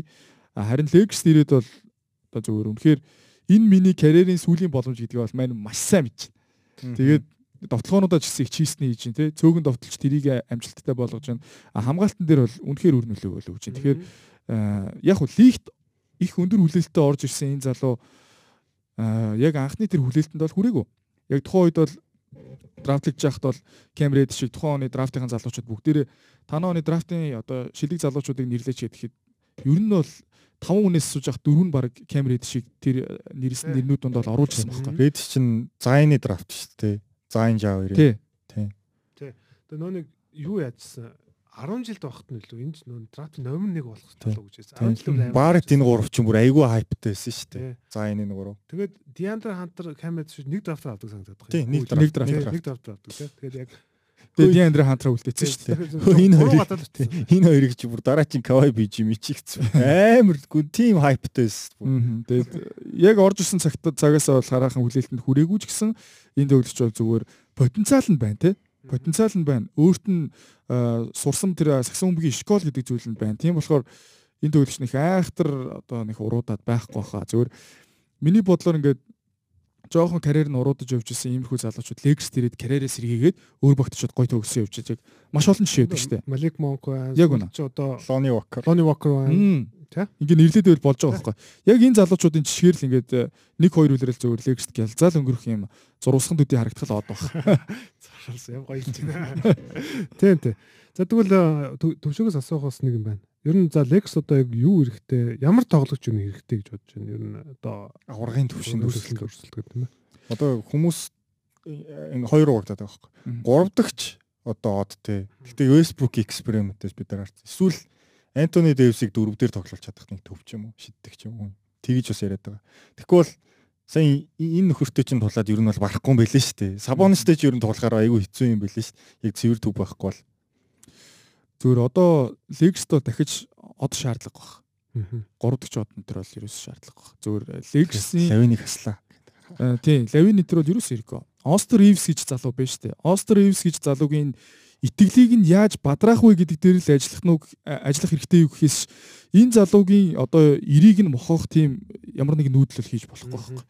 Тийм болохоор яг одоо байгаа энэ бүрэлдэхүүнээ хэрхэн яаж сайн тоглох вэ гэдэг дээр Дэрвин Хайм илүү шүү анхаарах хэрэгтэй болов гэж бодож байна. За мэдээж Jackson Hayes одоо энэ Wood хоёр дээр нэмээд яг үнэхээр одоо хамгаалт суурьтай тийм төвийн тоглогч зүгээр зах зээл дээр байт юм бол авчвал хэрэгтэй л байна. А гэхдээ зүгээр байхгүй л тий. Тэгэхээр яг одоо энэ цаасан дээр байгаа бүрэлдэхүүнийг Дэрвин Хайм болон түүний одоо туслах цаашуулагч нарын алба одоо хэрхэн яаж минутын хуваарлтыг нь олгож хэрхэн яаж тоглох вэ гэдэг дээрээс анхаарсан дээрх. Яг одоогийн цаасан дээрх бүрэлдэхүүнийг зүгээр би ингээд нэрнүүдийг нь тулгаад тулгаад чигсаах юм бол Лекс бол эхний 2 3 тал байгаа хаа. Тэглээ хоо их судаан бол хангалттай шүү дээ. Тийм бүстэй бол ерөөсөө хангалттай. Тийм болохоор тэгвэл нэг солилцоо 8 солилцоо 8 шаардлагагүй. Зүгээр яг одоо байгаа төлөвчнөрийнхөө минутыг зөв хуваарлаад зөв тоглуулаасаа л гэж найдаж байна. Хамгийн гол нь Энтони Дэвис эрүүл сар бол байх хэрэгтэй. Тэгээ Эди Либой та. Тэгээд Эди Либой бол моор байна. Тэгээд Дианжело хэрэгтэй юу? Дианжело хэрэгтэй. Өнгөрсөн үеэрлийн плей-оффт зүгээр харсан бол Memphis эсрэг сууралт Дило бараг тухайн цувралыг шийтгэх хэмжээний тоглолтуудыг бол хид хид удаа хийсэн. Warriors ч сайн байсан. Warriors ч сайн байсан. Plays бол сайн байсан. Дилогийн нэг юм давуу тал байдаг. Дило одоо довтлооны дийлэг сонголтод дундаа шиддэг штэ. Тэгээд эсрэг багийнхаа холбогчийг нь олзолдог. Тэнгүүт Дилогоос эсрэг багийн холбогч нар нь Дилийнх нь нуруу нам байж таардаг. Тэгээ Дило өөрөө нуруугаар ашихаж явж байгаад ингээд эргээд ийм унаалттай эвгүй шилдэг шүү. Нилээн дээрээс ингэж гаргаж ирж шиддэг байхгүй. Ер нь ер нь дээгүүн шиддэг шүү. Тэг тэг. Нилээн дээрээс шиддэг учраас эсрэг багийн хамгаалагч нар бол холбогчийн төвөл дээр тоглож байгаа тоглогч нар бол хамгаалж чаддаг. Энэ нь бол маш том давуу тал болдог. Тэгээ дээрээс нь Дило энэ үлээл үнэхээр хичээлдэг сайтай байгаа. Дило багийн дээрх бай толох гээд байгаа шүү дээ. Тий яг үнэ. Дило бол өмнөх үлрэлүүдэд ингэж амар тийм хамгаалтын одоо тий санаачлагтай тий энэ бөмбөгөнд ингэж явчих. Энэ бөмбөгний араас нь хүрчи энэ төр гэсэн тийм зүйлүүд баг харагддаггүй байсан байхгүй. Энэ үлрэл болчихсон шүү дээ. Тий энэ үлрэл бол ингээд харьцангуй хичээлцгийн сайтай болцсон ингээд хүсэл эрмэлзэлтэй тий ингээд бас тухайн төгөлчч нэг MB-ийн карьер жоохон рисктэй байгаад нь шүү дээ. Ерөнхийдөө одоо Lexus явуул Дило хаана авах юм бэ? Хин авах юм? Сэлгээний холбогч л болно шүү дээ. Тийм шүү дээ. Тийм чинь яг ингээд баг өөрийнхөө цорын ганц цорын гац жоох. Хамгийн сүүлд олдж байгаа энэ одоо гарааны холбогчоор ажиллаж байгаа энэ боломжоо бол өөрөө мань алдахыг хүсэхгүй байна. Тэгээд Леброн болон Антони Дэвис гэдэг хоёр энэ хоёр тоглогчийн хажууд яг одоо байгаа зүгээр ажилгүй байгаа холбогч нараас ч юм уу тий. За ажилтай байгаагаас нь бодсон болно. Хин дийло шиг ингэж зөгцөх юм бэ? Хин ч зөгцөх боломжгүй байхгүй баг. Яг зөгцөе гэхээр яг хитрхи боол хандлал яг тий. Одоо primary боол хандлал холбогчд шидэлт шиддгүүд нь. Яг зүгээр би зүгээр яг зүгээр Lexio дадж байгаа дээр зүгээр эдийг дөрөлөө оруулаад төв мөө авах тэр бол болохгүй л дээ. Тэр бол эдий зүгээр тавал тавал та. Тэгээд яг зүгээр нэг хүн солилтуул зүгээр дийлоо гэж бодоод байгаа. Яг зүгээр бид нар нөгөө Denver Nuggets-ийн зурлыг харсан шүү дээ. Үнэхээр муу байсан. Үнэхээр тэр зурлал бол үнэхээр дийлөө бол яг дахиад магадгүй одоо бид нар Lex аврагын төлөө гарахын тулд Денвертэй заавал тул таарах байхгүй юу? Тийм тийм. Хоёр дугаар шатн ч юм уу, хоёр дугаар шатн ч юм уу, бисээ аврагын төлөө дахиад ч юм уу те. Тэгэхээр би бол Денверийг Денвер бол амар том байсан. Дийл бол амар хүчтэй. Ерөөсөө би бол дийлөгийн цугуул бол биш. Дахиж бол сайн тоглож харахгүй байгаа байхгүй. Тэгэхээр зүгээр арай нэг өөр магадгүй Алекс Карусо ч юм уу те. Нэг тийм л чисний тоглогч авчмаар санагдаад байна. Тэгээ яг хаа дийлогийн зүйтэй сая төвшөөгийн санал нэг лид бол илүү хичээж байгаа. Илүү бөмбөний араас явж байгаа. Ер нь бол яг хаа 3 дахь сайн тоглогч нь байгаад байгаа л та. Энэ үйлрэл. Тэгээд яг хаа зүгээр шидэлт нь унахгүй байгаад байгаа. Гэхдээ ер нь бол яг хаа хичээл зүтгэл байгаад байгаа. Дийло явлаа гэхэд зүгээр найруулга алдагдахгүй юу? Найрал алдагдана. Алдагдана. Ер нь яг хаа зүгээр гэхдээ би бол зүгээр одоо юу гэдэг Гэвэнсэнд ирээд Либон Арсен Ривс илүү гол найруулагч хийгээд явхад бол бүр нөх амар тэгж унаад байх юм гайг болгож бодоод байгаа байхгүй. Тэгээд бид нар яг бид нар яг улирлууд дийлээ хэрэгтэй л дээ. Зүгээр би бол нэг плей-оффыг хараад байгаа л да. Плей-оффт бол дийлээ бол сул тал болох байх гэж бодож байгаа. Тэгээд Дэнүрийн эсрэг л ер нь хэцүү дээ. Бусд нь бол гайгүй шүү. Саас мастай байхад нэг дийлог олцлоод оноо аваад ах хүн бол байхгүй шүү. Оо аавна. Яг бүкэр л авах. Бүк бийл жинкэн олцсон шүү дээ. Би бийл мил гайгүй. Бийл мил чи Жамал мөрөө шиг тэгж амар биеэрээ тоглолтгүй шүү дээ. Гэ. Гэхдээ дийлоо шүү дээ. Дийлог бол болсон. Тэгээд за за тэгвэл тэгж гарч ирлэхэд арал да. Дараа дараагийн шатанд босс дээр өглөөж ийл яг. Боссонтэй бол тэгэл боссонтэй сайхан товтлогоогоор үтсэн шүү дээ. Тэрүү бол дээ дээр бол дээрлэх үлэн л дээ.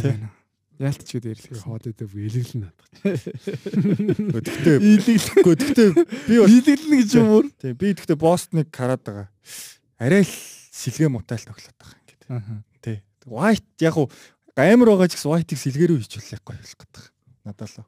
За тэгвэл төвшөө одоо тэгвэл Lex энэ зүйлийн амжилтыг ер нь таамаглаад те. Тэгээд энэ Lex ер нь нөлөөдөө те. За тэгээ би Lex-ийг энэ үлрэл зүгээр плей-оффын баг 2 дугаар шат мат юм болов л гэж харж байгаа. Аа зөвөр эхний хідээр юу нэг гарах боломжтой бол топ 4-т бол байгаа л гэсэн. Топ 4-т бол байгаа. Тэгээд 2 дугаар шатанд ерөнхийдөө Дэнүртэйгэл тулж таарах бах. Дэнүртээр бол тэгээд арайлж уулж таарах л та. Дэнүр нь Каросог авчвал тэгээ бүр яг үнэ. Тэгээд одоо хэдий зүгээр фэн байлаа гэд манайхан ингээд аврах те. Шууд ингээд шууд финал ч юм уу нэг иймэрхүү ингээд ийм одоо тэнгэрийн тэнгэрийн амжилтууд хүлээгээд байдаг шүү дээ. Гэтэ зүгээр жоохон одоо талбай дээр үзүүлж байгаа тоглолтыг нь дүгнээд өөрсдийнхөө ингээд байгаа нөхцөл боломж бусад лигийн багууд ямар формтой байгааг дүгнжиж амжилтаа хүсэх хэрэгтэй байхгүй тий. Тэгэхээр бол одоо зүгээр яг үнэхээр хамгийн одоо байж болох потенциалын амжилт бол 2 дугаар шат цаашлаад бүсийн финал гэж харж байна. 2 дугаар шат гэхээр чинь за Дэнүрийг барахгүй мэн өөр бас ер нь барахгүй гэж харагдаж байгаа ямар багууд байна. Phoenix, Phoenix уу. Sacramento-г барахгүй шүү дээ. Sacramento-г нэрээ барахгүй бах тий. Барахгүй яагаад ч тоглолтын стил ингэ зөрчиж байгаа байхгүй. Lakers яаж ин илүү одоо одоо хоёр үйж гин удаж гин. Сүүрсэн саксон бүг явж гин илүү удааж гин. Sacramento бүр бижигнээд байгаа байхгүй. Яаж ч гүйцэхгүй. Сакрамент амар. Тэр Lexus-ийн хоолтон дээр Сакрамент бүр амар байсан. Өдөр хөөртөр мөртөр чи бүр алтгаа мэдгүй шүү. Тийм тийм. Lexus тэр хоёр. Эхний шатанда за зүгээр бодъё л да. За эхний шатанда Оклахома Оклахома ч юм уу те. За одоо өөр юу гэдэг ингээд хожлоо дараад ирлээ юм уу те. Хожоод гараад ирлээ гэж бодоход хоёрдугаар шатанда яах юм бэ? Сакраментодо зүрдэг алуул шүү те. Дэнэртээ зүрдэг алуул шүү те. Юу химэлийн гэхдээ гэхдээ юу ч багасна гэж байхгүй л хэл. Яг уу Сакраментог хожих юм бол нэг Phoenix-ийг Spurs яаж зогсоодог байсан те. Тэр шиг л байж хожил хожих. Спүрс бүр ингээ бүр уяад бүр нөгөө нээш мэш ямар юм аварыг зодож бодоод зодож модоод бэртэл мэртлийг ахуулаад нээшийн хөмсг хөмсгийг сэтээд алдаг гэсэн тий. Тэр шиг нэг юм бүр ингээ залхаатал нь яагаад. Тэгвэл за яг дуусах өмнөр төвшөө зөө зөө Legacy дүүд 2 дугаар шатыг шаарч байгаа юм. За ер нь авраг тэгвэл сонирхол сонирхолтой байж байгаа тийм. Аврагыг багийг нь юу гэж харж байна? Авраг авах багийг За хэдийгээр зүр Бостон гоё яваач гэсэн Бостонг бол мэдээж би Legacy family хэвд мэдээж бити төрүүлээсэй л гэж байна. Гэтэл Бостон бол дахиад финалдчвал сонирхолтой. Тэгээд энэ үлрэл аврагах багийг бол би Phoenix гэж хэлнэ. Phoenix. Nice. Хаа хөөх. Phoenix гэж. Phoenix айхтарх. Phoenix л амар. Тэгээ энэ гурван тоглох нь юу та. Энэ бүр дараачийг нээц сулаад байгаа хөөхгүй нэр ингээд одоо Брэдли бил дахиад 3 7 хоног тоглохгүй гэсэн. Крисмасаас наашгүй бүр. Тэг яг тэг тэгж яхад KD гимтчихсэн зөө. KD яг нэг өвөл болохоор гимтсэн чинь зүгээр ингээд аим нөөцөлжүүл яг нэг нэг нэг. За за манай өөр чинь ингээд энэ хүртэл ингээд явчих. Чи жоохон ирээд ингээд бүкертаа тавьчаарай. Тэр онд мань алга болчихно. Тэгвэл нээц яг тэгсэн дээ. Хоёр нь тоглож байна. Нэг нь сайхан нөгөө юм ороо те. Борака морака амраа гэж. Сайхан бэлтгэлээ игээл байж юм байна. За за за за. Тэгээд Legacy тэгвэл ийм л байгаа юм да. За за ер нь подкаст маань бол 2 цагийн бичлэг бол хүрсэн байна. За тэгээд сүүлд 2 цаг. Тий. 2 цаг гэднээ сая. Сая манай хүн 2 цаг гэлээ те. Тий.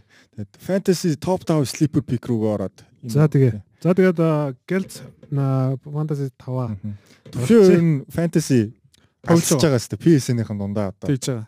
Өнгөрсөн үеэр чинь би яг фантазид дебют хийж үзсэн байхгүй юу? За за за. Их олон жилийн дараа анх удаага тоглож үзлээ. Өнгөрсөн үеэр чинь софомор үлрэл хэрэг. Тийм, миний софомор үлрэл яг хөө дайггүй үлрэл чинь үргэлж чинь. Өнгөрсөн үеэр чинь би руки үлрэлтэй 3 дугаар барьт орсон. Оо, nice. Том амжилт шүү дээ. Манай ер нь PC PC-нээс одоо тэргүүлж байгаа нь юм байна.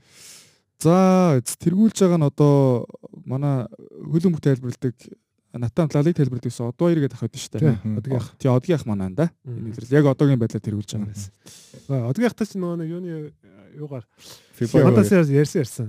Одгийн ах чинь бүр амар бүр бараг бидний хөлд орж байхад фантаси тоглосон юм шүү. Тий. Тэ 2000 дэдэн оноос гэлээ тэгжээс тэ. За тэгээд мэдээж фантаси 5 слиперыг онцолдог байгаа подкаст болгоны сүлд. За энэхүү 5-ыг бол мэдээж Yahoo Fantasy дээр 50%-аас доош шүү эзэмшиж байгаа тоглогчдыг бол аль болох газарт байгаа. Тий, газарт байгаа. Аль болох нөгөө нэг хүмүүс нь сайн мэддэг үү те. Аа ер нь цааш ирээдүйд сайн доош шүү. Тий, тоглогчдыг нь онцлдог байгаа шүү. За тэгээ эхний тоглолчоор мэдээж Washington Wizards-ийн rookie Bilal Coulibaly Э Франц залуу. Франц э, Виктор Вембинямагийн багийн антиг онцлсан байна. Жижиг Яанас гэдэг шүү дээ.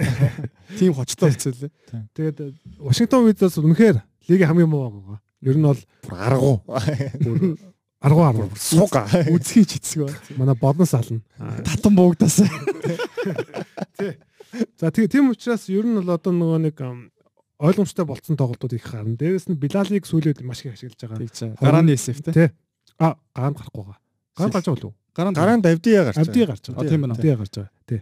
Тэгээд гэтээ Селенс бол сайн ашиглаж байгаа. Тэгээд энэ залуугийн хөгжлийг бол харцсан л байл л. Тий харцсан тэгээд ахиулах шаардлагатай. Тийм учраас энэ залууг бол тоглуулах шаардлагатай тий. Тийм учраас Билал Кулибали бол тоглох юм бол блок стилийг сайн. Яг бол блок стил сайн авах хэрэгтэй хүмүүс авах Билал Кулибалиг л авах хэрэгтэй. Яг хуу оноо бол нэг сайн авдаг. Ер нь тийм нэг товтлооны сайн тамирчин биш. Гэхдээ энэ энэ залуугийн нэг урт тэр хамгаалтын мэдрэмж энэ шал ондоо залуу. Тэгээ явцдаа Кайл Кузмо бас солигдож магадгүй зүгээр тийм шуум гараад эхэлсэн бэлээ. Грант тэр хоёр. Тийм магадгүй тий. Тэгэхээр Билал Кулибали бол ингээд нөгөө нэг одоо бас дав муу гэж магадгүйсэн. Ер нь бол ингээд явах тусмаа сайн силинг өндөр. Тэгээд фантази дээрс нөгөө блок стил ч чухал байдаг шүү дээ. Тэ. Тэгэхээр Билал Кулибали бол гой сонголт байна. За дараагийн тоглолт бол юу байгаа? Portland Trail Blazers-ийн бас одоо гааны холбогч болчиход байгаа. Skyler Mays. Skyler Mays гэж залуу байгаа. За энэхүү залуу бол мэдээж Malcolm Brogdon гимтсэн. Тэгээд Scoot Henderson бас гимтэлтэй байгаа. Тэгээ энэ хоёрыг хуцаа тодорхойгүй байгаа тийм. Скут Андерсныг баг 6-аас 8 7 хоног гэж шиг. Тийм удаа юм уу? Тэгээ албаас мэдээ гараагүй хаа тийм. Албаасных биш зүгээр тэгжийсэн. Тийм үү тийм. Шуум юм тийм. Хавцаа тийм. Тийм хавцаа. Тийм. За тэгвэл ер нь энэ хоёрыг байхгүй бол энэ залуу гарч байгаа. Тэгээ маш сайн тоглож байгаа. Ассистийг сайн өгж байгаа. Тэгээ өөрөөс нь сайн довтлж байгаа. 3-аас 3-аас өнөөдөр 3 удаа хийсэн ч үлээ. Тэгээд бас их давгүй сонголт. Энэ хоёрыг эртэл бол ер нь бол холбогчийн одоо стат хэрэгтэй хүмүүс таах юм бол маш гоё сонголт. Онцлог дамжуулалт, холын зэ шийдэлт оноо тий. А би Анферны Саймстэй андуурсан биш. Анферны Саймс 6-аас 8, Скут ч 3-аас 4 гэсэн байсан. Тий, тий. Анферны Саймс бол одоо. Тий. За дараад нь бол за энэ бас бас руки залууга. Юта Jazz багийн Кионте холбогч Кента Жорж гэдэг. Энэ бас маш гоё залуу. Ер нь бол удаас энэ залуугийн хувьд нөгөө нэг фэнтезигийн бас үгүй фэнтези драфтын нэг хулгай гэж бас ярьдаг шүү дээ. Айгүй их яригдсан шүү дээ. Тэгээд Юта угаасаа нөө өлрөл эхлэхэд секс нөө тийш тийм аль нь болохгүй шүү дээ. Тэгээд Кионте Жорж гараад хамаагүй гоё сакс тоглоо. Тэгээд Крис Данж яригдсан тэ. Тэгээд Кенто Жорж илүү одоо нөгөө найруулж байгаа. Ер нь одоо THT секс эдэргээ даана гэдэг ер нь бол нөгөө нэг илүү довтолтой эсвэл хамгаалдаг төрлийн тоглож байгаа. Энэ багийн хувьд бол яг тийм найруулж аим хэрэгтэй байдаг. Тэгэхээр тийм учраас Кенто Жоржиг илүү ашиглаж байгаа. Энэ залуугууд яг довтлогоо нэг сайн болохгүй. Гэхдээ энэ залуугийн довтлооны чадвар сайтай. Сайтай байли сайтай. Тэгэхээр ер нь бол нөгөө нэг байгтай гэсэн үг те. Тэгэхээр энэ залуу бол явах тусмаа сайжрах баг. Тэгээд ассист сайн өгж байгаа. Тэгээд сүүл явах тусмаа оноо гурван шидэл бол өгөх хаа гэж ер нь бодож байна. Тэгээд бас гой сонголт. Ер нь бол би бол энийг бол удаан давна гэж бодож байгаа. Кенто Жоржиг бол. Ирэх үлрэл наазлагч газраас авъя да. Газраас нэг доогуур. Тий. За Дараад нь бол дөрөвт нь бас бас нэг холбогч байна. Үүнд ч ямар холбогчдыг хандлагч байгаа юм бэ? Холбогчд их бэртэй тань л та. Тий, бэртэж байна тий. Энэ залуу бол юу байгаа? Аа, Mavs Grizzlies багийн одоо одоо гарааны холбогч хийгээд байгаа. Jacob Gillard гэдэг залуу байгаа. За энэ хүү залуу бол Морант шиг өстэй залуу мөн үү? Нэг ам жижиг. Жижигхэн цагаан залуу. Тий, цагаан. А цагаан юм уу? Цагаан яг цагаан одоо нөгөө юу curry шиг цагаан гэх юм уу юу гэх юм. Цагаан биш юм биш. Light system шүү. Light system тий энэ залууга их жижигхэн залуу. Гэхдээ ер нь яг холбоогч бүрэн болцоо. Тэр чинь угаасаа сүулт нөгөө нэг Бэйн Эсеф рүү ороод Smart SG рүү ороод тэр бүр гараанд холбооцсон шүү дээ. Ер нь сүүлийн 3 тоглолт. Энэхүү залуу яг юу байгаа нэг зүгээр эрсдэлтэй юм байж магадгүй. Derek Rose эргэлзээтэй болцсон байгаа. Тэгэхээр Derek Rose эргийг их төгч байгаа. Тэгэхээр бас Rose-ийг ирэхээр бас минутнаас багасгах. Тэгэхээр харъя. Гэхдээ энэ залууг нэг жоохон тийм short term юм те. Одоо нэг цөөхөн одоо 7 хоногт ассист массист өгчүүл те нэг даагийн 2 3 тоглолт ч юм уу те хараад аваад үзэхэд бас давгүй сонголож байж магадгүй. Тэгээд Монолос Jacob Gilliard гэдэг. Аа за. Jacob Gilliard гэдэг залуу байгаа за тэгэхээр эцсээ яг Deck Groups ирж байгаа шүү. Тэгээд Моронтос одоо 25 тоглолт нь одоо баг 10-д болчихсон шүү дээ. Тэгэхээр одоо нэг 10 хэдэн тоглолтын дараа ирсэн юм да. 15 моб байна. Өнөөдөр Miles Bridges ирсэн. Fantasy дээр нэг юунасаа гаргаарэ. Тэгээд Маркус Смарт гэмтсэн. Маркус Смартын 3-7 гэж 4. Тэр ихтэй харамсалтай юм байна тий. Бас 4-6 гэж. Шага. Тэр яг Lexus-ын тоглолтын дээр гიშгсэн шүү дээ. Тэгээд тийм учраас Jacob Gillard илүү боломж гарах байх гэж бодож байна. За, сүүлд нь бол за манай төвшөөгийн Los Angeles Lakers нэг хүн онцлоо. Cam ready. Yes sir. SF-тэй ганд гарч байгаа Cam ready шиг онцлсон байгаа. За, Ready шууд бол сайн байгаа. Тэгээд Reddish хамгийн гол давуу тал нь бол юу га хамгаалалтын үзүүл. Ялангуяа стилийг бол сайн хийж байгаа. Сүүлийн 3 тоглолтод 4 4 3 гэдэг лөө.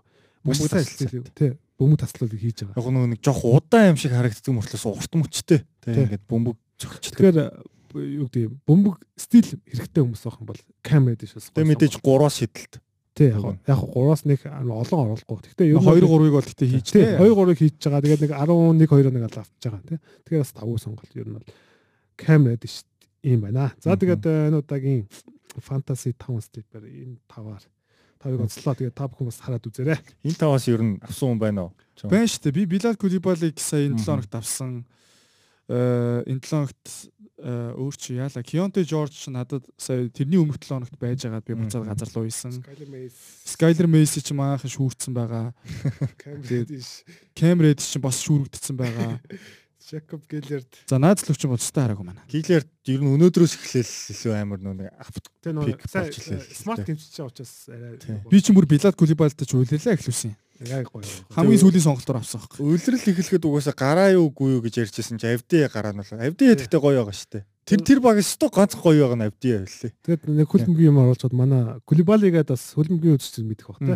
Манай Челси дэс байсан юм аа. Манай ч юм. Би ч ажиллаж байна. Цэнгэр юм үсцээ. Тэгснэ манай олоноос манай зэн. Манай ягаад манай ч за яг наач амар олон багтай өвкэс юм өвкэс юм манай. Тэгээд Кулибали Кулибали нь хаана гоё? Кулибал ч Африк хувьцтай. Африк нэг араб хувьцтай. Оо нөгөө нэг аал аал юу лээ аал ямар вэ? Тийм аал хилал лөө. Хазэр үлээ. Тэр лөө Амар сүртэй нэртэй багаад байгаа. Энэ залуугийн нэрийг шууд тэгээд тогтооч байгаа байхгүй. Бас амар тогтоох амархан байсан. За тэгээд Гэхдээ юу адилхан Франц юм уу? Франц Кулибал Франц юм уу? Кулибал Үгүй, Сенегал шүү. дээ. Сенегал. Юм. А зүгээр нөгөө нөгөө Кулибалын болохоор араб гаралтай өгнөл юм юм биш үү? Наачид сайгүй Сенегал гаралтай. Африк гаралтай л байгаа. Харин тэ Африк гаралтай юм дээр. Тий, Сенегал баг баг тий. За тэгээ юм байна. За.